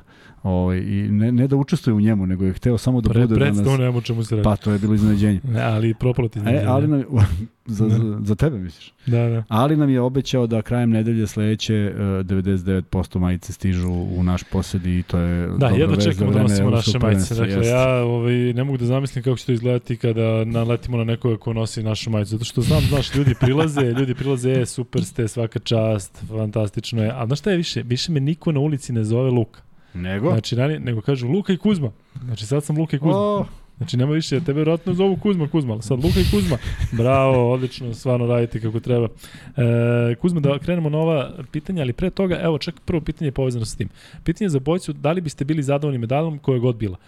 Mi kada smo kretali, govorili smo o tome kako treba da podsjetimo i na neki ljude koji smo izgubili. Da li misliš, da li se slažeš, ja mislim da sigurno slažeš da šta god uradimo na evropskom prvenstvu, ja sam siguran da ćemo uzeti medalju i ja onako potajno to neći, ne smem da želim zašto sam ne, ne želim da delim zato što sam sujeveran, ali ja vidim opet neku neku terasu i i sve evo naježio sam se i možda ljudi kada misle da ja malo krenem da hejtujem, hejtujem zato što se plašim e, da, da sve to što sam zamislio da se neće ostvariti. Ali očekujemo uspeh, biće uspeh, Da li se slaže da treba sve da se posveti što se uradi Stevanu Jelovcu? Da, za njega treba da bude. I za njega i ono što je pričao um, Nikola Jestatijević. Koliko je ljudi iz sveta košarke otišlo u posljednje vreme, nismo čak ni svesni, jer, jer svi živimo u nekoj neverovatnoj brzini, ali apsolutno jedno podsjećanje na te ljude, zašto da ne, iz prostog razloga što su živeli za ovaj sport i Ali što su mnogo. Ali ipak sa one Jelovci. Jeste, jeste, apsolutno. I, slažem se, to treba tako i to treba nigde, nigde njima da bude i neki, neki dodatni motiv. E, naravno da smatram da je medalja uspeh, ne bih ih rangirao, a, mislim da imamo zaista vrhunski potencijal. Je li potpisao sad se uh, bronzanu medalju? Ne bi, zato što, zato što ako je. moramo da je uzmemo, onda, onda je u redu, ali ne, ne bih ništa potpisao, rekao bih idite momci dokle god, pa šta bude, mislim da imamo potencijal za sam vrh, a, negde će biti potreban i faktor sreće ili bilo čega, mislim da svaka ekipa koja drži do sebe i koja ide u ovom pravcu kako mi idemo, zaslužit će tu sreću, E, nadam se da se neće desiti neki momenti onih sudijskih odlika koji su nas odvukle sa, sa trona. A, ne bih želeo da razmišljamo uopšte o tome i ne razmišljamo o suđenju i nadam se da nećemo morati da komentarišemo suđenje, makar ne na ovim utakmicama u grupnoj fazi. Da, to se svi nadamo. Ali zaista očekujem da, da pokažemo jednu snagu. Mi ukrštamo sa grupom C, gde su Grčka, Hrvatska, Italija, Velika Britanija, Ukrajina i Estonija. E, ja bih volio recimo Italijane da nagazimo, da im vratimo za one olimpijske igre. Mm, s tim što nekako mi se podrazumeva da će Grčka, Hrvatska i Italija biti na prva tri mesta, da će na, na četvrtom mestu biti ili Velika Britanija ili Ukrajina ili Estonija. S tim što to podrazumeva se da ćemo te reprezentacije dobijemo ako dođe do osmine finala ali nisu toliko loši. Ti Estonci znaju da, da, da krenu. Dakle, U osmini da finala- da, da, da nema toliko loših reprezentacija na stranu, ono što sam danas video protiv Bugarske, niko ne smiješ da pocenjuješ. Pa neće, neće oni ući, oni neće ući sigurno, mislim, govoriš o reprezentaciji koja je tu, ali ajde da vidimo, zanima me tih osam koje će otpasti. Zanima me da li će neka napraviti pomak i da će ispasti neko za koga sada trenutno Pa hoće pogledaš, sigurno, zašto mora? E, Kada pogledaš ovako, Pa evo, dakle, ko, ko ti ovde, ko, ko, ko, ko ti ovde fav, veći favorit od ove tri koje, koje se bore za četvrto mesto? ko mi je od te tri favorita Da. da bude četvrti? Da. Ukrajina. Eto, i znači veliko iznenađenje je bilo da bude neko drugi. Pa ne je bilo veliko iznenađenje. Ta Velika Britanija i Estonija su mi iza Ukrajine. Ali Ukrajina je, Lenom i sa Ukrajina ti svim. je logično da je u 16. Recimo. Tako je. I, i volao bi da bude jedna za koju niko ne očekuje, a ona bude. To kažem, onda ima smisla prozora i favorizovanja malih reprezentacija i svega ostalo. Ako Da. one nisu dostigle nivo da budu u 16, onda šta treba da se uradi? Evo ti pitanje, pa ko ti je pored nas e, iz naše grupe još u, u četiri? Meni niko. Niko, a mi smo prvi i mi idemo dalje. Dobro, ajde da vidimo da li ćeš da budeš čiti na pitanje, na pitanje gledalaca. Ajde. E, Saranja Davidovca i Jokića. Da, fascinirala me na onoj prvoj utakmici. Ne, mislim da se više misli da li očekuješ da, da sada se Da, ideš ovo. očekujem, očekujem, da. Zašto ne očekujem? Gledaj, e, e, Nikola jako dobro vidi tu osnovnu liniju. E, Davidovac, Kalinić, koji je dao možda i najvažniji koš protiv Italijana, jer beše protiv Italijana, ona ispod koša kad je Jes, poslao sve na kad stranu. Da. rekao stani tu i. To su, tako je, to su ti koševi koji ovaj vidi, koji ovi momci mogu da daju i mislim da u toj unutrašnjoj igri gde on kao pet diriguje, to znači da je, da je, da je najviši igrač obično oko njega i da van pozicije za skok. To daje dovoljno prostora ovim momcima koji imaju dobar osjećaj i jako dobro se snalaze ispod koša. E, pitaju te ovo što smo malo prepričali, koja ekipa ispod radara može iznenaditi po vama, Finska, Hrvatska ili neko treći? Ne treba, ja mislim da re, reprezentacije iz regiona, ajde Sloveniju smo svi sa razlogom nekako videli kao jednog od favorita, ali e, ove reprezentacije iz regiona, Bosna, Jako Crna dobre, Gora, da. Hrvatska, apsolutno ne možeš da kažeš Ne, da je ne, da... ne, ne. Ovo, je- ovo je danas bila pobeđena utakmica. Vidjet ćemo kako će reagovati Hrvati i tek ćemo sutra onda i znati kako svi će odigrati utakmicu, sve, sve utakmice, sve, sve ekipe iz regiona, pa ćemo moći neki sud, ali po imence, po kvalitetu onoga što imaju, posjeduju ozbiljno dobre timove, naravno sve, sve to treba sprovesti u delo, ima onih koji ne priznaju imena, pa e, pobeđuju, pa prave neka čuda. Ajde da vidimo ko je to u, ovom, u ovoj konstelaciji, u ovoj našoj grupi, što kažeš ko će biti drugi, treći, četvrti, ne vidim neke izrazite favorite, mada mislim da jesu Finci i Česi, apsolutno dve ekipe koje će biti uz nas. A, vidjet ćemo dalje. Treba izbeći, treba izbeći neke bombe, neke mogućnosti e, susreta, ali da, da će sve teći kako treba, ni to nikad nismo videli na evropskom prvenstvu, tako da biće sve interesantnije kako utakmice budu odmicale, a mora da se desi neko iznenađenje. Do sada E, ih, do sada ih nije bilo. Pa u, ovih šest današnjem utakmica danu. danas, da. E, pitaju ovde kada igramo i protiv koga, znak pitanja, ajde da kažemo, ali to je i red, red da kažem. Dakle, sutra igramo 21 čas protiv e, Holandije, dan kasnije, dakle u subotu igramo protiv Češke od 17.30. Onda u ponedeljak, petog, igramo protiv Finjske od 21 čas i svi mečevi do kraja, odnosno i protiv Izraela i protiv Poljske su u 21 čas, dakle 6. i 8. Još jednom. Drugi sutra Srbija Holandija od 21 čas. Dan kasnije 3. septembra igramo protiv Češke od 17:30, pa onda imamo dan pauze, pa onda ponovo dva povezana dana 5. septembra Srbija Finska od 21 čas, 6. septembra Izrael Srbija od 21 čas i 8. septembra završavamo dakle fazu u grupi Ja, Kuzma, to je za 7 dana, mi ćemo već tada znati. Dakle, mi ćemo sledeći četvrtak praktično ovaj, znati Znaš ti gde je sledeći četvrtak? Vako. Mm -hmm. To je kad radiš ponedljak, četvrtak, tako ti je daleko ovako. Da, ima da, da. E, ne bih ja ništa menjao ovde što se tiče rasporeda. Odlično, da, bar tako mislim, da odlično da otvorimo sa jednim lakšim protivnikom, da napucamo Holandiju i onda imamo dva najozbiljnija protivnika. Evo, ako se slažeš Češka kao domaćin i Finska. Da, da. I onda kada to dobijemo, idemo na Opet Izrael možemo i na Poljsku. igravanje. Vidi, Tako e, ima ima prostora za sve, ima biće prostora za sve igrače, ali ono što moramo da ne pocenimo, bez obzira što igramo protiv. Holandije, da samo ne pocenimo i nije mi delovalo da u jednom da u jednom momentu mnogi će reći e, da utakmi da start start drugog poluvremena protiv Turske jeste, to smo se mi opustili. Nije baš tako. Dakle, ovo nisu igrači Žika Mika i Pera, to su igrači koji igraju ozbiljne lige i a, samo su shvatili da moraju nešto da urade, pa ih je krenulo, pa su na trenutku vezali tri trojke. Što odmah unese neku pometnju, uzmeš time out, pa on ne urodi plodom ali nismo ih pocenili, to je sigurno. I zaista verujem da, da jedna snaga ekipe je takva da ti stalno pokazuješ da imaš koju moć imaš i da nigde se ne opuštaš i ne dozvoljavaš lake poene i u tom smislu stalno pričam kad govorim a, poštovanje lopte. A, ne, ne, ne prodavati ih uzalud, ne prodavati ih na brzinu, ne, ne, ne, ne, treba ti, ne treba nekoga da fasciniramo nečim, treba da igramo našu igru i da svedemo taj, taj, taj uh, broj izgubljenih lopti na minimum. To je vrlo, vrlo, vrlo bitno da mi igramo našu igru, a s druge strane da poboljšamo slobodno bacanje. Opet su bilo u jednom periodu utakmice povuci, potegni, sve to ide ka bolje, ali prosto na evropskom prvenstvu treba da budemo zaista u vrhuncu. Znaš što mislim da je u stvari nama je najveći pritisak? Što i, to što i dalje nemamo igrača koji su na 100%. Ne znaš kada dolazi Milutinov, ne znamo kakav je Nedović. Gudurić nije 100%, jest, Vas jest, imali smo problema celih. Lučić isto Gudurić nešto igra uče. tek tri utakmice. Tako dve, dve utakmice. E, ko može biti najveće iznenađenje, a ko najveće razočarenje na evropskom prvenstvu? Mislim da će razočarenje biti jedna od ekipa koja je de, de, dežurna za razočarenje, da tipa Turska ili tako nešto, ali evo posle ovoga večera se vrlo moguće da će biti i Francuska, s tim što naravno ne treba otpisivati ni Francuze. Kuzma... Zavisi šta je iznenađenje. Ajde prvo kad bude prošao taj prvi krug, mislim da će jako teško biti da bilo ko ispadne od van ovih osam koje, koje negde predviđamo da ispadne. Kuzma, da li se slaže da je Gudurić bio ključni igrač protiv Turaka kada su nastizali, uvek bi dao trojku ili podelio asistenciju? Jeste. I moramo da znamo da on igra sa jednim posebnim nabojem. Protiv Turaka, kao čovek iz Fenera, i želja da pokaže ko je i šta je i kako će da nastupa u nastavku karijere i sve to. Prema tome, to je jedna, jedna težina koju je uspeo da iznese i iznao je vrlo dobro. E, idemo ljudi bacite like. Kuzmo, pozovi ljudi da lajkuju da dođemo do 500 lajkova. Molim, ajde na svoj neki pa način. Kući. Na neki svoj uh, onako specifičan. Molim i... vas. kada vas molim u kameru. Znači, kad vas molim. znači, ajde sad stvarno kada vas molim. sad stvarno. Da, znači, više nije zezanje, sad smo već ono... E, da li ste videli intervju Nedovića i Petruševa oko dolaska u Crvenu zvezdu? Mislim da je sramota ono što su rekli. Znaš šta su rekli? Ne znam. Ne znam ja. E, Milane, um, video sam da ozbiljno pišeš, napisi šta su rekli pa da komentarišemo to, ja iskreno nisam ovaj nisam video.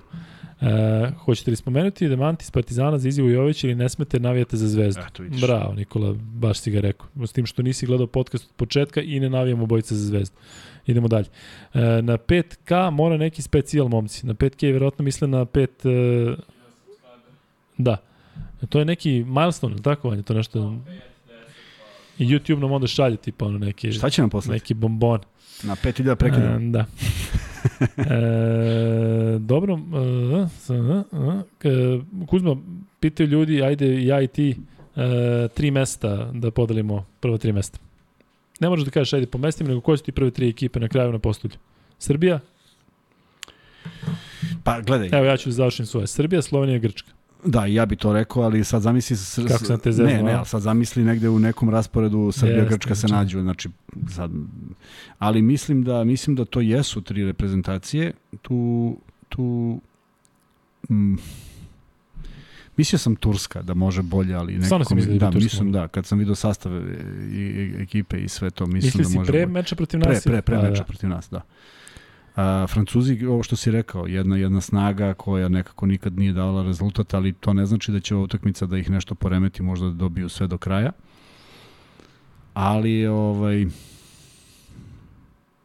mogu Smo zaboravili nekog, nekog Litvanci, Španci. Pa Litvanci Ajde. mogu, Španci, Špance ne treba pocenjivati, ali mislim da nemaju to za, za, za četiri. Šta si uhvatio sad za telefon? Da kucaš ono na Google? Ne, zašto ne znam koje top, su top ekipe. 3. Da. Reću ti ja. Ove... Koju, ovaj. koju B, u A grupi? Španija? Dakle, evo ti, s, mislim, nismo zaboravili nikoga i da kaže da smo, da smo, da ga nismo ni spomenuli, ali e, grupe su sledeće, Španija, Turska, Belgija, Gruzija, Crna Gora, Bugarska. Dobro. Nemačka, u Nemačkoj smo možda malo pričali, Bosna, Slovenija, Litvanija, Mađarska, Miš, tu Francuska. Se nastaje, tu se nastaje kolaps sa ovom pobedom, jer niko nije očekivao Nemca tako, tako lako pobede i sad će biti svašta nešto. Estonija, Ukrajina, Britanija, Italija, Hrvatska, Grčka i Češka, Izrael, Finska, Srbija, Poljska, Holandija. Stvarno bilo bolje da je 16 ekipa na Evropskom prvenstvu. Kako ne? Dakle, da, zaista, kako ne? razumem ja sve da hoće i Holandjani da igra na Evropskom prvenstvu. Jeste, ali zašto? Za korbol? ali zašto? Jesam, kako da nisam. Korbol. Kako da ne? Šta je da objasni? Ono, korpa gore, Da, pa ono, bacaš sa leve desne strane. pa na da, rukometnom da, terenu, pa I- korpa gore. Jeste. E, to je u Holandiji su to izmislili, oni treba da I oni to. treba budu svetski Tako prvaci tamo i ja, mi I ja- skinemo kapu i Ja, kažemo... ne treba da sada mi da ne šire na 24 ne treba, da bismo da bi mi. igrali, tako je. Tako da, Samo da ne poželimo kriket da igraju, pa da moraju prošire ovu svetsku ligu. da kažem ti 16 bi čak možda bilo mnogo, da ti iskreno Ne, kažem. 16 je optimalno, zato Pa što... jeste, ali opet ti kažem i tu bi verovatno bilo nekoga pa i, tu, bi pa i u ono vreme si imao nekog ko je zalutao, ali bi manje zalutao. Mm, da. E, dobro, da idemo dalje na odgovore. 423 lajka. Kuzma, moli, moli ih ponovo. Ajmo još 67 pa da idemo kući mi Ali nemojte 67, ili to 490, 77 Aj još je neko 68. da. Koliko? Koliko si rekao? 423, A, na či, to 67 čuo. smo vam. Nisam čuo. E, pitanje je za Kuzmu, jel se Pokuševski odaziva na pozive za mlađe kategorije nekako delo da nije zainteresovan za reprezentaciju? Nije, Objasni Kuzma to što si pominjao ranije. Vidi, imao je on jednu težu, tešku situaciju, tešku situaciju. On se preselio sa porodicom u Grčku i potpisao je ugovor sa Olimpijakosom, Olimpija- Olimpijakos je bio protiv, on je imao nesređene papire. To je trajalo od 16, 18, 20. I A šta je s tim trajalo- Grcima i s tim papirima? Vidiš ćete tu Ne znam, priča. ne i znam, može se pa ne znam. Vidi, ne znam, pa neko dete dođe. Isto tako neko dođe. E, tako da ne mogu Pa znaš, da znači nije ulazim u to. on kriv, ti si nekako nije dolazio na ovo i Ne, sada ne, ne, znam ali neko dođe. Sa istim tim uslovima neko dođe. Neko ne dođe. Dobro, Dončić mislim, dođe, a dobro, Joe ne dođe, pa do- da. Taman si Tako da ne znam, pa da, tako da ne znam. Mi smo želi da ga imamo, uh, nije se pojavio ni na jednom, ni na jednoj proziciji, uvek su to bili neki opravdani razlozi, koje ja nisam razumeo, ali nije ni važno da ja sve razumem. Kako nije važno? Pa mislim da je to jedino važno. Pa ne mogu, je ja, ja, ti znaš moj stav o reprezentaciji, prosto kad te pozovu ideš. Kaže ovde Luka, ne plaši se. E, e, ne znam, jesam govorio danas da se plašim. Jesam, ja sam se plašio nečeg danas. A? Dobre. E, dobro. Luka pita i Kuzmu za komentar derbija. Kog? Pa nisam gledao, bio sam u Crnoj Gori, vidim da je jedan, jedan, vidim da je ono jedan spektakularan gol, Jeste. Ostalo nisam pratio, znam da je Partizan izjednačio, uvek se tu vidi neka ogromna halabuka. Ja još od, od, od, od prijatelja i s jedne i s druge strane ne čuh da je bila dobra utakmica. Čujem unazad godinama da je bilo nerešeno ili je neko pobedio nekako, ali stvarno ovaj, nisam čuo da su to bile dobre utakmice, pa mi ni ovde nije doprlo do ušiju da je to bilo nešto kvalitetno. Zvezda s promenom trenera, Partizan sa užasnim startom uh, u sezoni, sad pričaju o nekim novim pojačanjima, ne znam. Mišljenje o Markanenu, Kuzma. Ne znam, dečak koji, koji se igra košarke, igra To tvoj, više svoj dečak, stil. sad već ima 24-5. Jeste, u, sad je čiča. Sad je već veteran. Si lud, 25, na šta Ovaj, gaji takav stil, vrlo interesantan, uh, lepršav, na pozicijama, s poljim, unutrašnjim igra isto sve. Ali, kako bih rekao, mislim da mi je i dalje jedan od mnogih. Ima takvih igrača sad koliko hoćeš. Da li mislite da je Litvanija nekako stavljena ispod radara za medalju? Jeste, jeste Nismo čak ni mi možda pričali o njima i posebno nismo. sad kad su izgubili od Slovenije, Znaš, Pa sad da. je neko, ko- Nemačka pobedila Francusku i sad ljudi kažu ne, Da. ali u ovakvom Ne, ne. sistemu takmičenja ti podigraš sve, jednu dobru naravno, utakmicu je. u osmini finala, četvrtfinalu Svakako, i to je to. svakako i to je bilo. Mislim, mislim da negde se nazire svih tih četiri. Sad je pitanje malo sreće ko će na koga naleteti. E, tu će biti iznenađenja. Iznenađenja u smislu što ako je nekom iznenađenje da će Litvanija tipa kao treća da savlada nekog iz druge grupe kao drugog. To ne bi onda bilo iznenađenje. Prosto vidjet ćemo ko, ima, ko, je, ko je sačuvao neke karte, ko je sačuvao neku svežinu. Dugo je ovo prvenstvo i vidi E, strašno, ja sam zaboravio da spomenem kad je, kad je Stefan Jović bio u emisiji, teo sam da se uključim, ali ste otišli potpuno u drugom pravcu onda nisam, rekao sam Vanji da nema problema To da ono kad, uključuje. kad smo te čuli da nešto. Tako je, tako je. Koliko je mene iziritiralo što se povredio Galinari i što ne ide na evropsko prvenstvo. Mislim, ja to, kako bi ti rekao, evo ja sam sad neki predstavnik FIBE i ja želim, meni, meni donosi Galinarijevo prisustvo na evropskom prvenstvu, je tako? Ali ja sam ubacio utakmice za svetsko prvenstvo pred evropsko i smatram da je to isto tako jako dobro i, i šta? I bojim se da će se dešavati još mnogo toga na ovom evropskom jer ima mnogo utakmica i nije uopšte naivno odigrati sve te utakmice. Prema tome, žao mi je što kad, čim izostane neko iz najjačeg sastava, to znači da je to evropsko prvenstvo slabije za tog čoveka i prosto ja volim da gledam kada su neki najbolji na terenu, pa onda gledaš i dobru utakmicu, pa ako je stvarno neko i triumfovao, znači triumfuje zahvaljujući kvalitetu, ne nekoj sreći.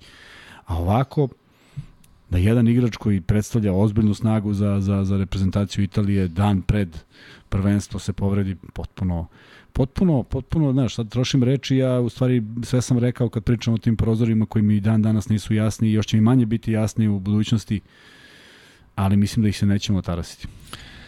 Ajmo Kuzma malo uh, kraće odgovore zato što ćemo trebati 5 sati. Jel ima mnogo 500? pitanja. Jel ima 500? E, Doviđenja. 460. Doviđenja. Dajte do tih 500 da dođemo i ostaćemo još Pa, malo. Ozbiljno, e.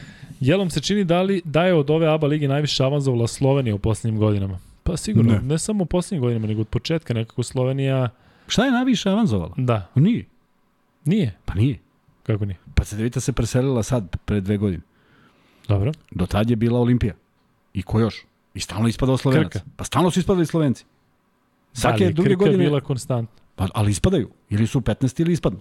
Mi 15 Da, ali znaš da su oni rotirali Ene Heliose i Laška Pa i jesu, ali, Slovane ali ja i sve. kako sam vraćao, gledao sam da li je, nešto me interesovalo, da li je iz uh, ABA lige uvijek ispadao jedan istok, jedan zapad po onom uzoru Se držiš tog istoka da, zapada. da, da, kao lud. I mislim da, i mislim da su Slovenci uvek, uvek ispadali. Mislim da imaju 15 ispadanja u 15 sezona.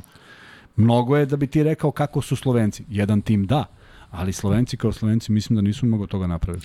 Da li Izrael sa mladim tandemom Madar Avdija može da se nada nečemu u budućnosti? Apsolutno ne, zato što nemaju oni... Pa šta se da desilo sa. Avdijom u NBA? Bio je povređivan dosta i onda je to uticalo na Šteta, da, mentažu i sve da, i onda su da, se u Vašingtonu, nisu ga, ne mogu da kažem da su ga nešto sada gurnili u drugi plan, ali su se istekli neki drugi igrači, tako da povreda, povreda Da, ono u prvoj da. sezoni. Da. Tako da, ajde, kaži, šta misliš? o Pa ne mislim ništa. Mislim, žao mi je što... Za, žao, prvo mi je žao što je otišao tako mlad. To mi je prvo žao. Drugo, mislim da je bilo dovoljno vremena da ode kasnije. Zašto? Zašto je mogao da napravi nešto s tim Makabijom ili sa već sa nekim klubom u kojem, u kojem bio želeo da igra? E, zato što zaista smatram zrelim potezom Bogdanovićev odlazak u, u NBA. Pa Čovjek zadovoljio neke, neke parametre iz Evrope, ozbiljne, reprezentativne, uh, klubske, i to je sasvim logično sledeći korak. Ovo je bilo ovo je možda bilo prerano i nekako možda, aj sad ovako da razmišljam, možda, možda je ta povreda proizvod potpunog dispariteta u načinu treninga za tog mladog igrača. Možda je se on razvijao pa nije bio pod nekim tretmanom, jer on imao jako malo godina kad je otišao. Nije bio pod nekim tretmanom onog profesionalizma, pa je on sad zategao sve i došao tamo i povredio se. Možda bi ga ovo uteglo, možda bi on negde malo drugačije se razvijao, možda bi neke stvari bile drugačije. Tako da negde nije, nije uvek odlazak i, najbolja stvar. U njegovom slučaju baš mi je žao što je prošlo tako kako je prošlo i zaista želim da se vrati i mislim da bi mu bio dobar potez da se vrati negde u Evropu, pa ako je mu je destinacija NBA uvek će biti prostor. E, da. Mm, ovde sada imamo objašnjenje šta su rekli Nedović i Šta su rekli? Petrušev. Nedović je rekao kako je Pao reagovao kako on nije očekivao da je zbog toga došao u Crvenu zvezdu. On Dobro. bi ipak hteo da ostane u Pau, ali je verovatno su mu smanjili platu ili tako nešto. Dobro. Dobro, a drugo je, evo, verovatno se nije slagao sa time, tako da ispada kao da je Nedović u Crvena zvezda rezervna opcija, ne prvi izbor. Nisam stekao takav utisak i šta znam, mm, ajde da se ne vraćamo sada na to, imaćemo vremena za Partizan i za Zvezdu koliko god hoćete kada krene Euroliga, ajde da se sada baziramo koliko god vi ovde forsirali Jovića i dalje i prepucavali se, nema potrebe i dalje pišu. Jović? Ma pišu sve i svašta. Znači ne, nego Jović sad jedni druge, znaš, Da, da, da. Ovaj, da, ovaj je slagao, on je nije slagao. Uh, I El Mesija me zeza, ali Luka Europsko bez Frenkija de Jonga nije pravo Europsko prvenstvo. da, znate vi šta sam mislio. E, znamo se odmah da Radonić ne želi njega, tako da dobro. Da li je Dobrić kompletni igrač od Vanja Marinkovića? Uh, ja mislim da, ako, aj sad da ne pričamo kompletni, kažem, stvar, stvar afiniteta, ali mislim da je godinama igra na drugom nivou. Na višem nivou. I onda prosto mora budeš bolji. Ne bi mogao da se zadrži u zvezdi, znaš, nije, ne bi ga zvezda trpela, ajde sad je on u zvezdi, zato što je u zvezdi, a ne igra dobro. I on je 4, 5, 6 godina u ritmu Euroligi.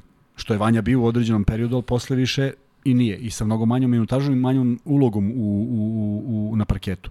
Tako da se Dobrić od jednog igrača da ja mislim duboko verujem da su oni samo zakasnili tu jednu godinu onog njegovog dolaska u zvezdu, da je bilo od momenta kad je on u FNP-u već bio ozbiljno dobar strelac, da je zakasnio taj ulazak u zvezdu i da je trebao da bude bačen tu godinu. Ne da je od sedi na klupi, ali dobro, sad je to nešto što je prošlost. I mislim da jeste za nijansu kompletni. Uh, baš, kao, baš zato što je proizvod mnogo većeg broja kvalitetnih utakmica, sa mnogo više minuta u nogama. Ne sam po sebi, nego eto, ovo je proizvod. Jer e, videli smo u Jadranskoj ligi koliko od udara kada se naleti kada imaš dve utakmice u, u, u nedelji protiv dva evroligaša, pa onda dođe utakmica ABA lige, koliko to drugačije intenzitetom izgleda. E, Dobrić je na tom intenzitetu i mislim da je zato postao još kvalitetniji. E, sa kim očekujete da ćemo imati najviše problema u grupi, o tome smo pričali, dakle ja očekujem Češka i Finska, mislim da to svi očekuju. Ne bih podcenjivao Poljake, ali nisu nešto oduševili u onim predkvalifikacijama za evropsko prvenstvo posebno. E, Kuzma, recimo, koliko ovo sada učist, učit, utiče na Markana? To sigurno nije bilo u tvoje vreme i ne možemo da zamislimo ni ti ja kako to izgleda. Ali Markanen sada, evo, počinje evropsko prvenstvo, a javili smo večeras, kao što su nama javili, da je tradovan iz Clevelanda u Jutu. Znači, menja ti se život, ti sada prelaziš iz Clevelanda, prelaziš potpuno drugi kraj Amerike, znaš, treba imaš valjda neku kuću, pa zoveš, pa sve. Koliko može da ti to poremeti sve sada što se tiče evropskog prvenstva, gde mora fokus da bude maksimalan? Jednom prilikom Igor, kad je prešao u Cleveland, rekao, znaš ko živi u Clevelandu? I ja sad onako zaista očekujem nešto smisleno, kaže onaj ko mora. Tako da ne znam kako ovaj doživljava. Tako da ne znam. Jeste. Tako da ne znam kako sad Markanen doživljava Jutu. A sad ćeš kako je Joakim Noah spredao Cleveland, ono, na, kao, ko ovde dolazi, ko ide na, na, na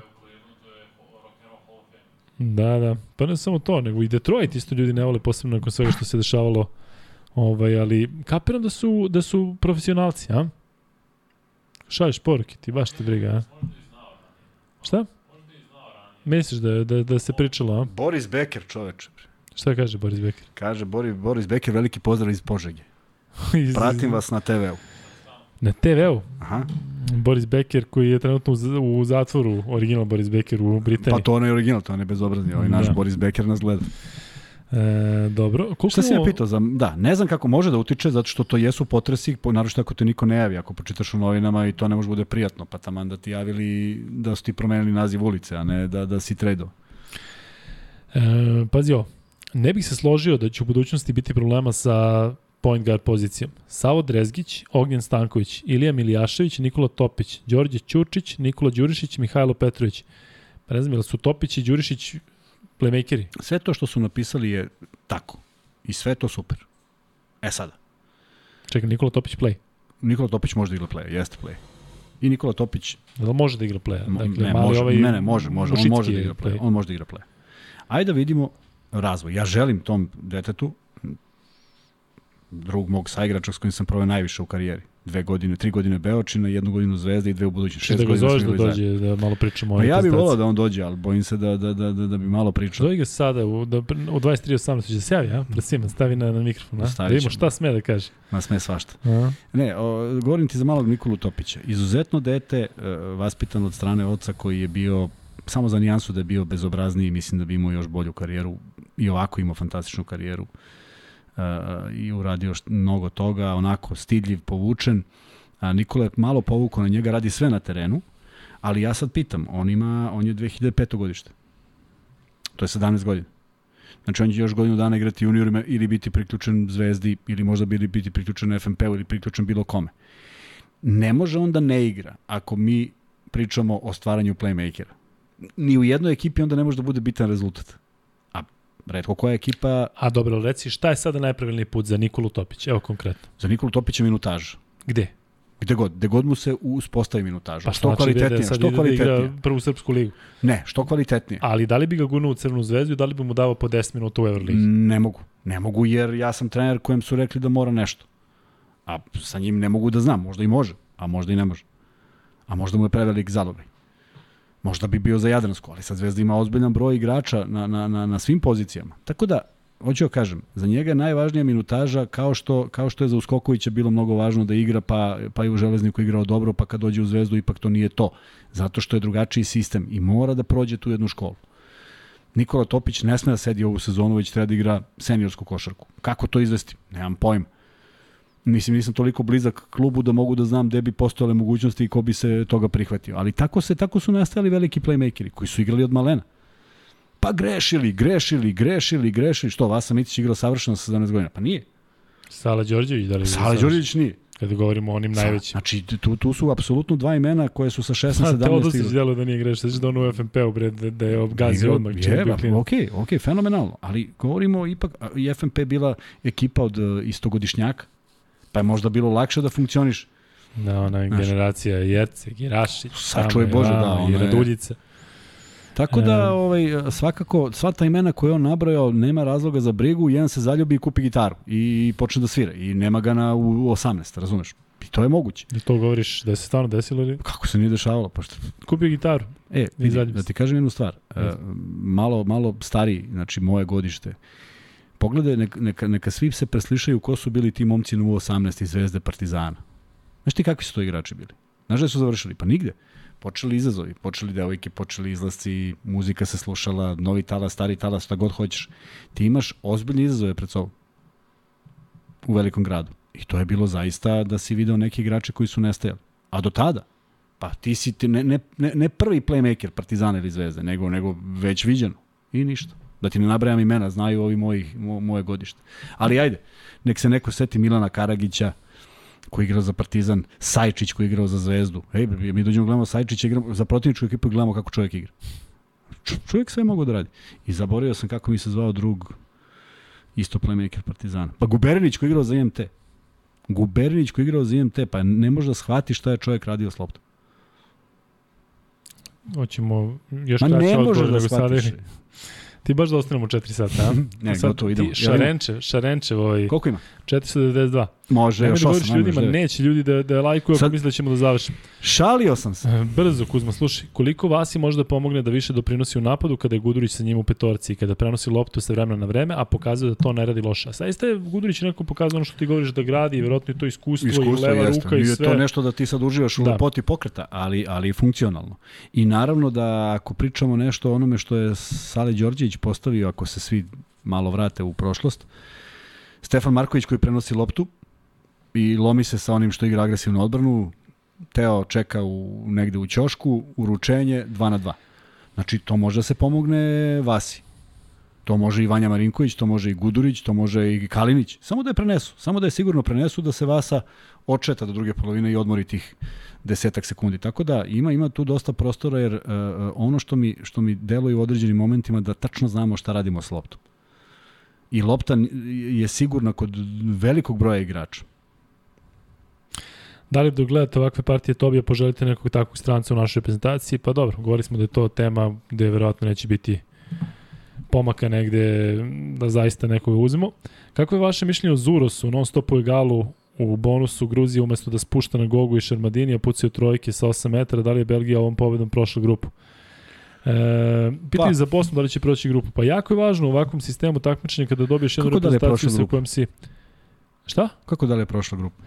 U Belgija. smislu da Belgija sad ovom pobedom protiv Gruzije pro, praktično prolazi prolazi u četiri zato što su im oni direktan takmac za, Pa dobro, za naravno. Pa jeste, pa oni... isto kao što je Crna Gora pobedila Mađar, od, Bosna pobedila Mađarsku, jako bitna pobeda Tako i sad je, realno i da sad zamisli da. Crna Gora pobedila Tursku, koji je to korak ka, ka, ka prva četiri mesta.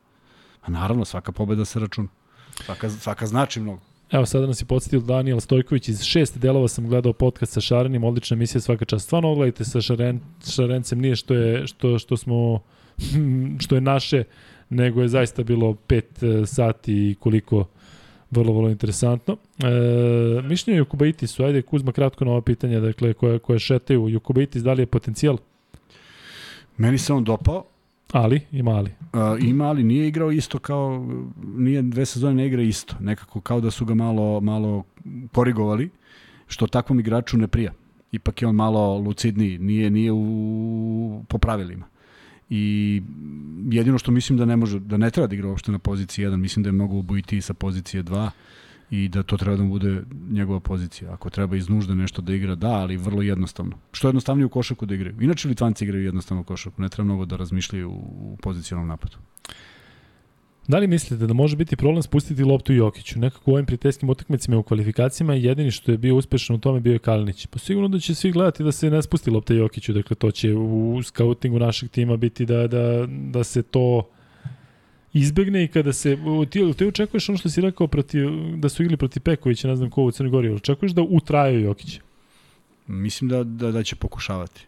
Ne mogu da utraju, zato što je mnogo dobar. Da, ali dobro, sad govorimo realno da Oni udvajaju. Moraju pokušati Odmah. nešto, zato što ono njegovo 1 na 1 sa bilo kim do sada u ovome što smo gledali je bilo kao Ali da li je 1 to na 0. dobro za ekipu da udvajaš Jokića koji će odmah da podeli pas A, kada, kada vidi moraš da, da je- rizikuješ, jer o, o, o, osim dva promašaja na utakmici protiv Slovenije, ako se ja dobro sećam, sećaš se ono iz istog napada, Jokić Maltene nije promašio zicer e, kada se nađe tu tri koraka od reketa sa sve onim najsitnijim koracima koje napravi da ne budu koraci tup tup, on to nađe da, da reši. Tako da, e, moguće da bude i taktika ona da Jokić igra svoju igru, a da niko drugi ne igra. A, ovaj, a mislim da treba to da izbegnemo na najmudriji mogući način tako što, što, što od starta ne krenemo da igramo mi e, doslovce na njega kao što jesmo otvorili utakmicu protiv Nemaca, nego što raznovrsni. Kaže ovde da mu je e, Nemanja Radovanović da mu je najbolji bio podcast sa Milojevićem, jer se stvarno vidi da diše košarku, pogotovo anegdote. Ili imaš neki podcast koji ti se izdajao što se tiče gostiju? Ne. Ne, Ja sam Neće tu, da ja kaže, sam, ne, ne, neće majke da ne, ja kaže. sam tu, ja sam tu ovaj, vrlo, prvo znam kako smo ušli u ovo, znam da smo sad sigurno slobodniji nego s početka, to da, ali da li nešto vrednujem više? Prvo, uh, 99% tih ljudi su na neki način i naši prijatelji, poznanici, ljudi koje znamo i koje smo pozvali svesno da od njih možemo da očekujemo dobru saradnju tako da i priču. Tako da meni svaki svaki od njih koji se odazvao mi je bilo uživanje. Prema tome sad ja da kategorišem nekoga, ono što je mnogo bitno je kako je javnost reagovala na to šta se sva, više, kome više dopada, ali mislim da su svi apsolutno imali šta da kažu i prosto me fascinira jedna sledeća činje- činjenica da i koliko god je meni bilo drago što je Lukman bio tu, ne mogu da verujem da je njegov video procentualno se najviše gleda. Da, ono što njegov rekao. video gledaju 1,1 sat i 8 minuta prosečno. Znači, toliko je ostavio utisak. A koliko su ovi ostali? Tipa li baš idu na ispod, na ispod sat neki? Idu, idu, kako Idu, ne, da. Čak i ovi dugački, ovo da šarenci ti sve. pročitam. To neko može da uđe na, na video na 10 sekundi, to ti isto... I odmah obara. Ma do, slažem se, ali zato jeste, iste, za- zato jeste interesantno ovo. Da, mislim, ovo što kaže Vanja, da je ti nemamo pojma šta ti broj u stvari znači, verovatno, znaš, ako klikćemo i mi, verovatno, ako ja kliknem da vidim koliko je, verovatno spustim, Sigurno spustiš. Da. da. da. E sad, jedino ako neko drži otvoren Lukmanov konstantno. A što bi Možda to neko on. radio? Pa možda, Možda možda, je... Vrti Ali hoću da kažem, hoću da kažem... Šta e, kažeš, Vanček? Zato sad imate preko 500 lajkova. Ali vidiš kako je neko rekao, kaže, Luka, nemoj da pozivaš ljude da lajkuju, zato što misle da kada završite, da ćete da završite kad dođe do 500. Pa je sad do 522. Evo, evo ovako, 23-28. E, sad završamo kad bude na Ucenjivanje. 480. Ne, ne, ucenjivanje, pazi. U 23.40 završavamo, ako ne bude 700 lajkova. Opa, idemo kontra, sad ima da lajkuju koliko hoćeš. A slušaj ti E, ovo, evo ti ovako, na primjer. Milo je 41,5 minut. Dobro. Ne 41,05, nije i po. Ma, kaj ti to mi ni ne znamo možda. A, Stefan 41 minut. Dobro, Šareni 48. dobro. Ti i ja 45.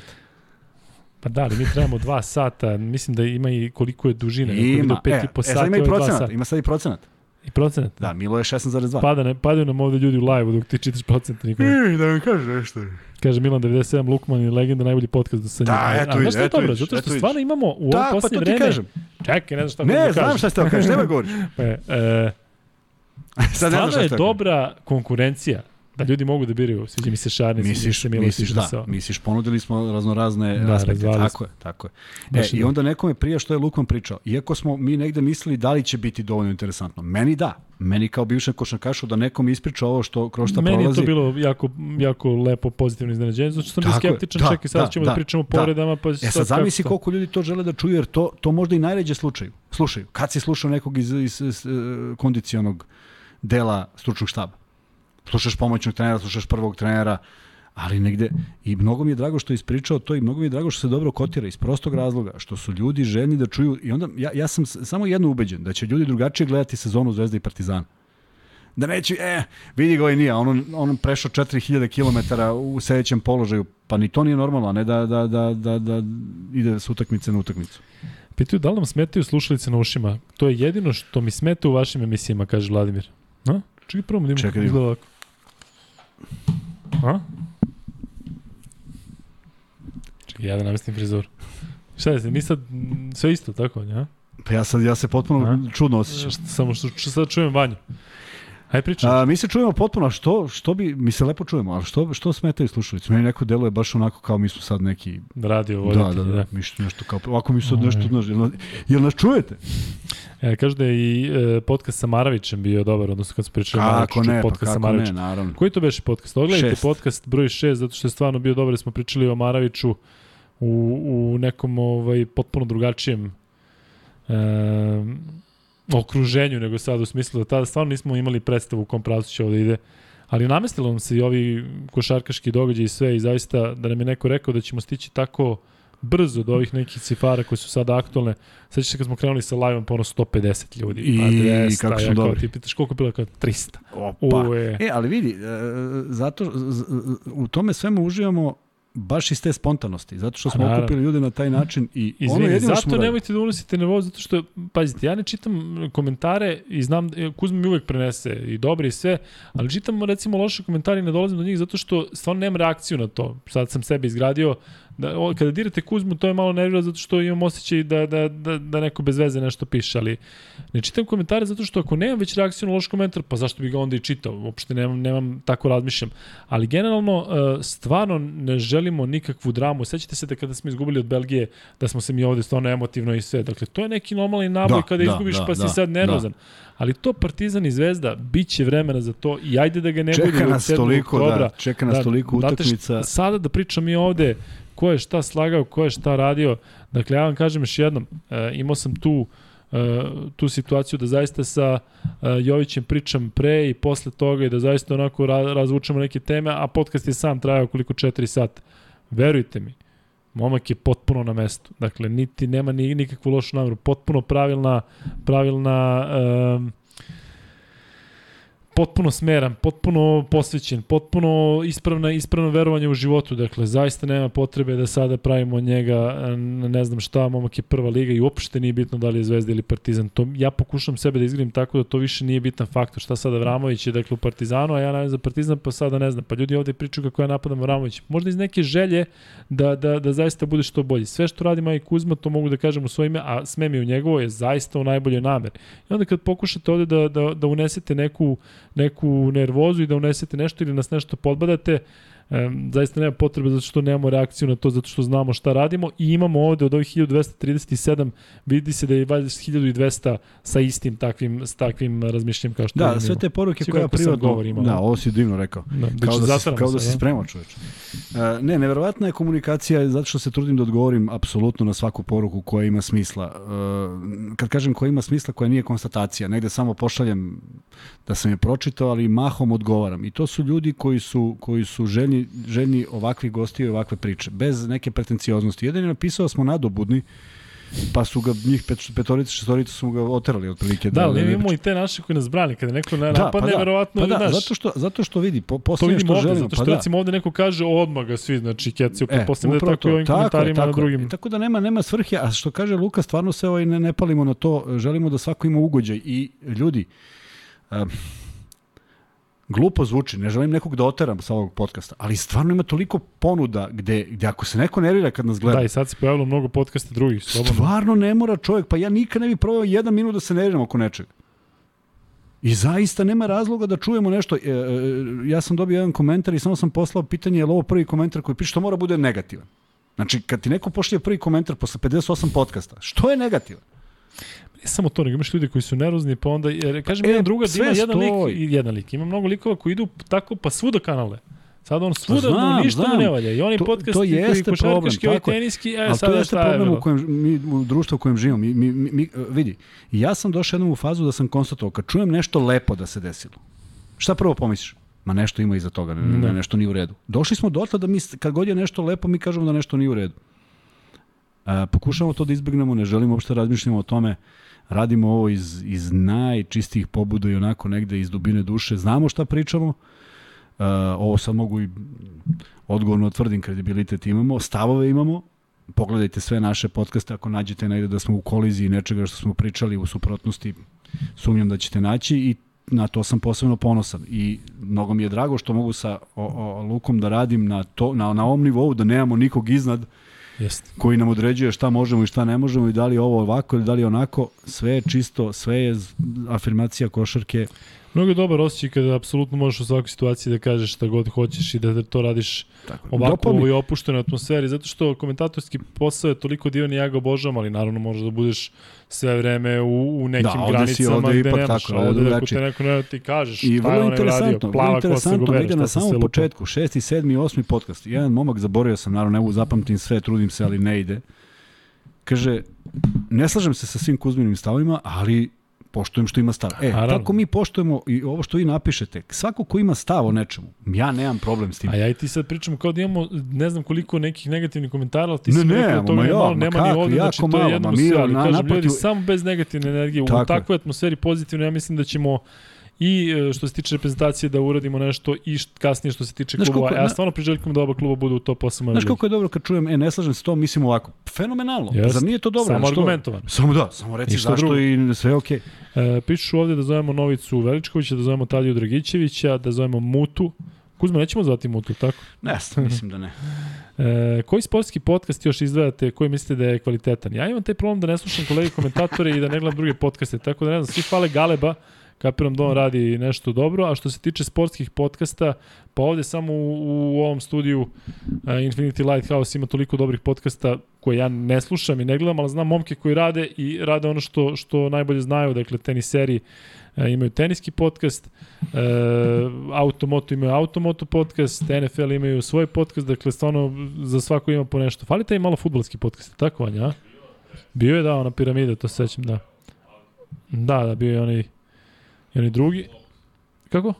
Da, da, da, znam, pa... Uh, Luka, nisi mi pročitao pitanje za studije, evo ga Ognjen Radivojević koji je, to, toliko mi se sviđa što je, ako ne pročitam A, njegove je li ono pitanje, isto, je li isto pitanje? uh, ajde, uporedi sudiju je FIBA i Euroliga sudije. Ne može, ne može da se uporedi. Vidi, ne može da se uporedi. A voliš da kukaš i na Euroligu sudije kako gledaju video ček i ne. znam šta, a nebo iz zemlje. Da, zato što su, ne, zato što su upropastili košarku. To je moje mišljenje za jedne i za druge sudije za, za toliko koliko traje.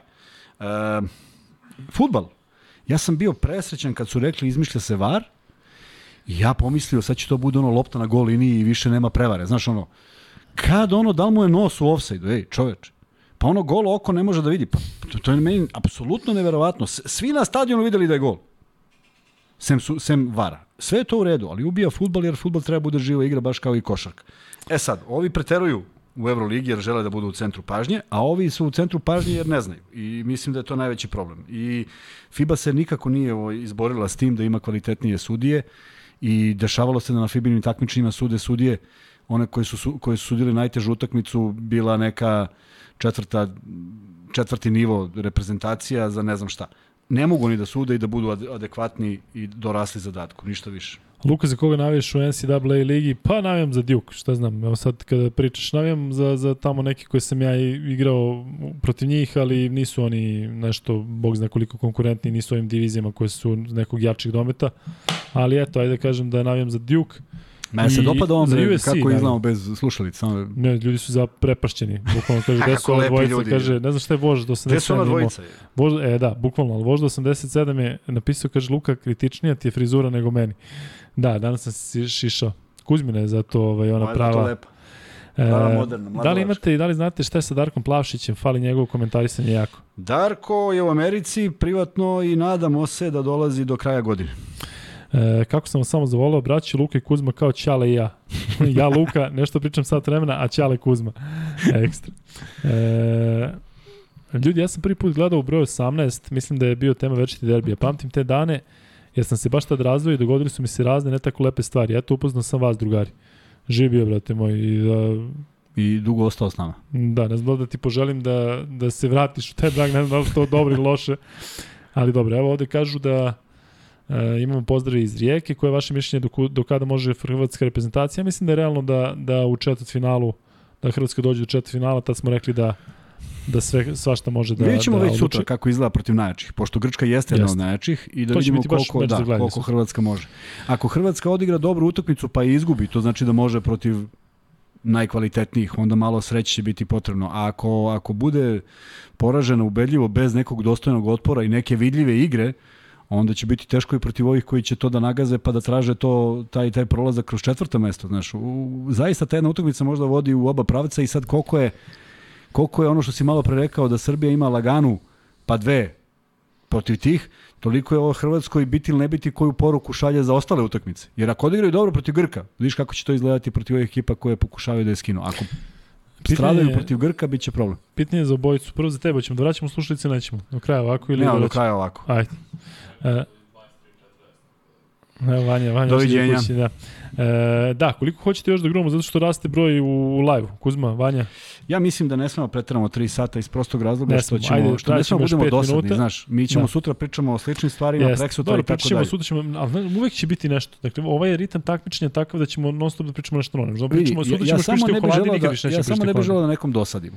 Jer, jer, jer nečegačka ima previše, mislim ja znam da imamo ovde ljude koji bi gledali i 6 sati, ali ne želim Više da bude. tih, više tih, tako Pa, da znaš. Znam, ali ne, ne, znaš, mora da postoji i tema, ne može sad pričamo nešto što meni tebi palo na pamet. Mnogo gotivimo sve vas koji ste sa nama i e, posebno e, oni ljudi koji su od početka sa nama, koji su prepoznali ovo dok smo im bili još se merili u stotinama svega i svačega. Tako da ću za, e, ajde jedno pitanje za kraj, nemojte se ljuti što nećemo više postavljati pitanja, ali Kuzma, da li imate vi neke savete za mlađe, kako da pokrenu neki svoj podcast ili neku sličnu priču? Vi ste ipak puni znanja i iskustva, ima dosta nas koji košaka ozbiljno znamenima, a nemamo baš iskustva. Pa znaš šta, iskreno ti kažem, ne zato što je Kuzma Kuzma i ne zato što smo zajedno ovde. Ja ne postoji ništa, e, kao i svi mi u životu, imao sam hiljade projekata u glavi. Vezanih za košarku, vezanih i često e, mimo košarke. Neke, neko otvaranje, neke svega i svačega. Pa ovaj moj drug otvori brzu hranu, pa onda kozmetički salon. I jedan mi drugar koji je dobar biznismen kaže, brate, ti znaš nešto o tome, kako misliš da budeš uspešan u tome? Ne postoji ništa u mom životu što ja znam bolje od košarke. Ne kažem da to znam najbolje od svih, ali ja ne znam ništa drugo dobro kao košarku, zato što sam igrao, pa sam je onda nosto pratio i komentarisao evo koliko dugo. Dakle, ne postoji segment u mom životu kada sam ja bio van košarke. I onda ljudi, pa kako se sećaš toga, kako znaš to? I spojite se sa Kuzmom, koji je M zreli, M stariji, im je igrao košarku na većem nivou, je zaista neverovatno i meni bi bilo drago da postoji još neko ko može da se tako uklopi, zato što meni recimo, e, kada vidiš e, kolege komentatore, ajde da kažem, sa drugih televizija i sad su oni kao eksperti za košarku, a uopšte nisu košarkaški novinari, nisu košarkaški komentatori, nisu iz sveta košarke, nego su se bavili nekim drugim sportom, komentarisali neki drugi sport, pa se sad namestili da u košarci, pa onda ja tako mogu da budem iz ovaj stoni tenis, što me kritikuje ovaj da, da slabije, znači, Nisi nešto znao danas. Ne, kaže mi ovaj jedan, kaže, mnogo ti bolje stoji košarka, ajde, mogu, pa je- sam mu rekao da pošle na Instagram, ako, ako gutiram neki izraz ili nešto, tako da, da, da znam, ali evo recimo isto što Mile radi, ja Mileta jako poštujem, jako nisam odslušao dva minuta njegovog podcasta zbog onoga što sam pričao, ali Mile čovjek bio košarkaš. I, e, znaš, on kada postavlja neka pitanja, postavlja iz ugla košarkaša.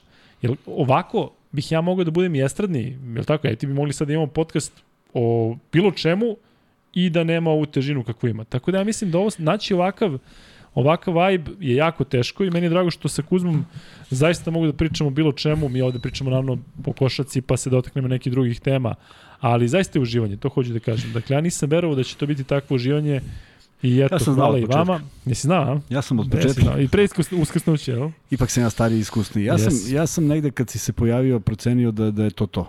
Ne znam da li bi moglo me animira. Ajde da obećamo jednom drugom da ovo nikad neće stati. Pa ne mogu, ne mogu to ako mi dođe neko s boljom ponudom.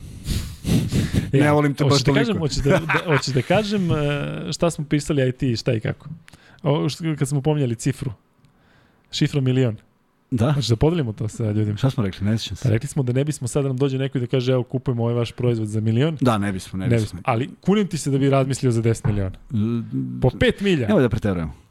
A, vidi 5 ovako. milja rešio si Ma, sve, ma, a ne, milion vidi ćemo da zaradimo dobro. Milja, slušaj, a teo sam da kažem jednu stvar, da se nadovežem na ovo što si rekao, ako, ako ljudi žele da čuju. Uh, ima još nekoliko stvari. Prvo, Luka zna svoj posao i, i gledao sam ga, i namerno sam ga gledao, iako ja ne gledam TV sa, sa upaljenim tonom. ja. Namerno sam ga gledao u svim tim moronskim sportovima koje vodi. I, I NASCAR sam gledao i slušao. Sa toliko neke sigurnosti pričaš o, igra, o onim tamo vozačima za koje ja nikad nisam Da čuo da mene možeš da da, mene možeš prevariš kako god hoćeš, ali očigledno to neko prati jer mi je došao drug koji je rekao je mnogo mi se dopada što radi NASCAR i onda sam ja potpuno bio u fazi šoka. Ali e, to je jedna stvar, znaš da znaš da pričaš, znaš mnogo i ovih e, informacija imaš, ponaša se pred kamerama zato što ti je to prirodno. Međutim, ono što je što sam ja što sam ja uradio u, u svojoj karijeri, nikad nisam video kamere. Od mog prvog intervjua. Nekako sam se osjećao potpuno slobodno i uopšte nemam osjećaj da me neko snima. Nisam ni na televiziji, ni na bilo čemu i to je jedan od darova jer ima mnogo ljudi koji se zbune pred kamerom. Ima mnogo ljudi koji ne znaju da se ponašaju, mnogo uh, uh, uh, situacija gde se ne osjećaju prijatno. Srećom, dakle, to je još jedan segment što mi to nemamo. Dakle, ovde da postoji još 12 kamera ili jedna ili ne znam šta, nam bi bilo potpuno isto i to je, to je nešto što donosi tu spontanost koju imamo. Nadam se, ne nadam se, ja vidim da ljudima to prija i vidim koliko puta dobijem neku dobru poruku uh, i koliko ljudi traži da ne prestajemo i koliko ljudi priča u afirmativno zato što su nešto prepoznali. I ja samo mogu da obećam da od ovog neka od ove ideje koje imamo nećemo odustati i nadam se da ćemo da. je eksploatisati što duže možemo.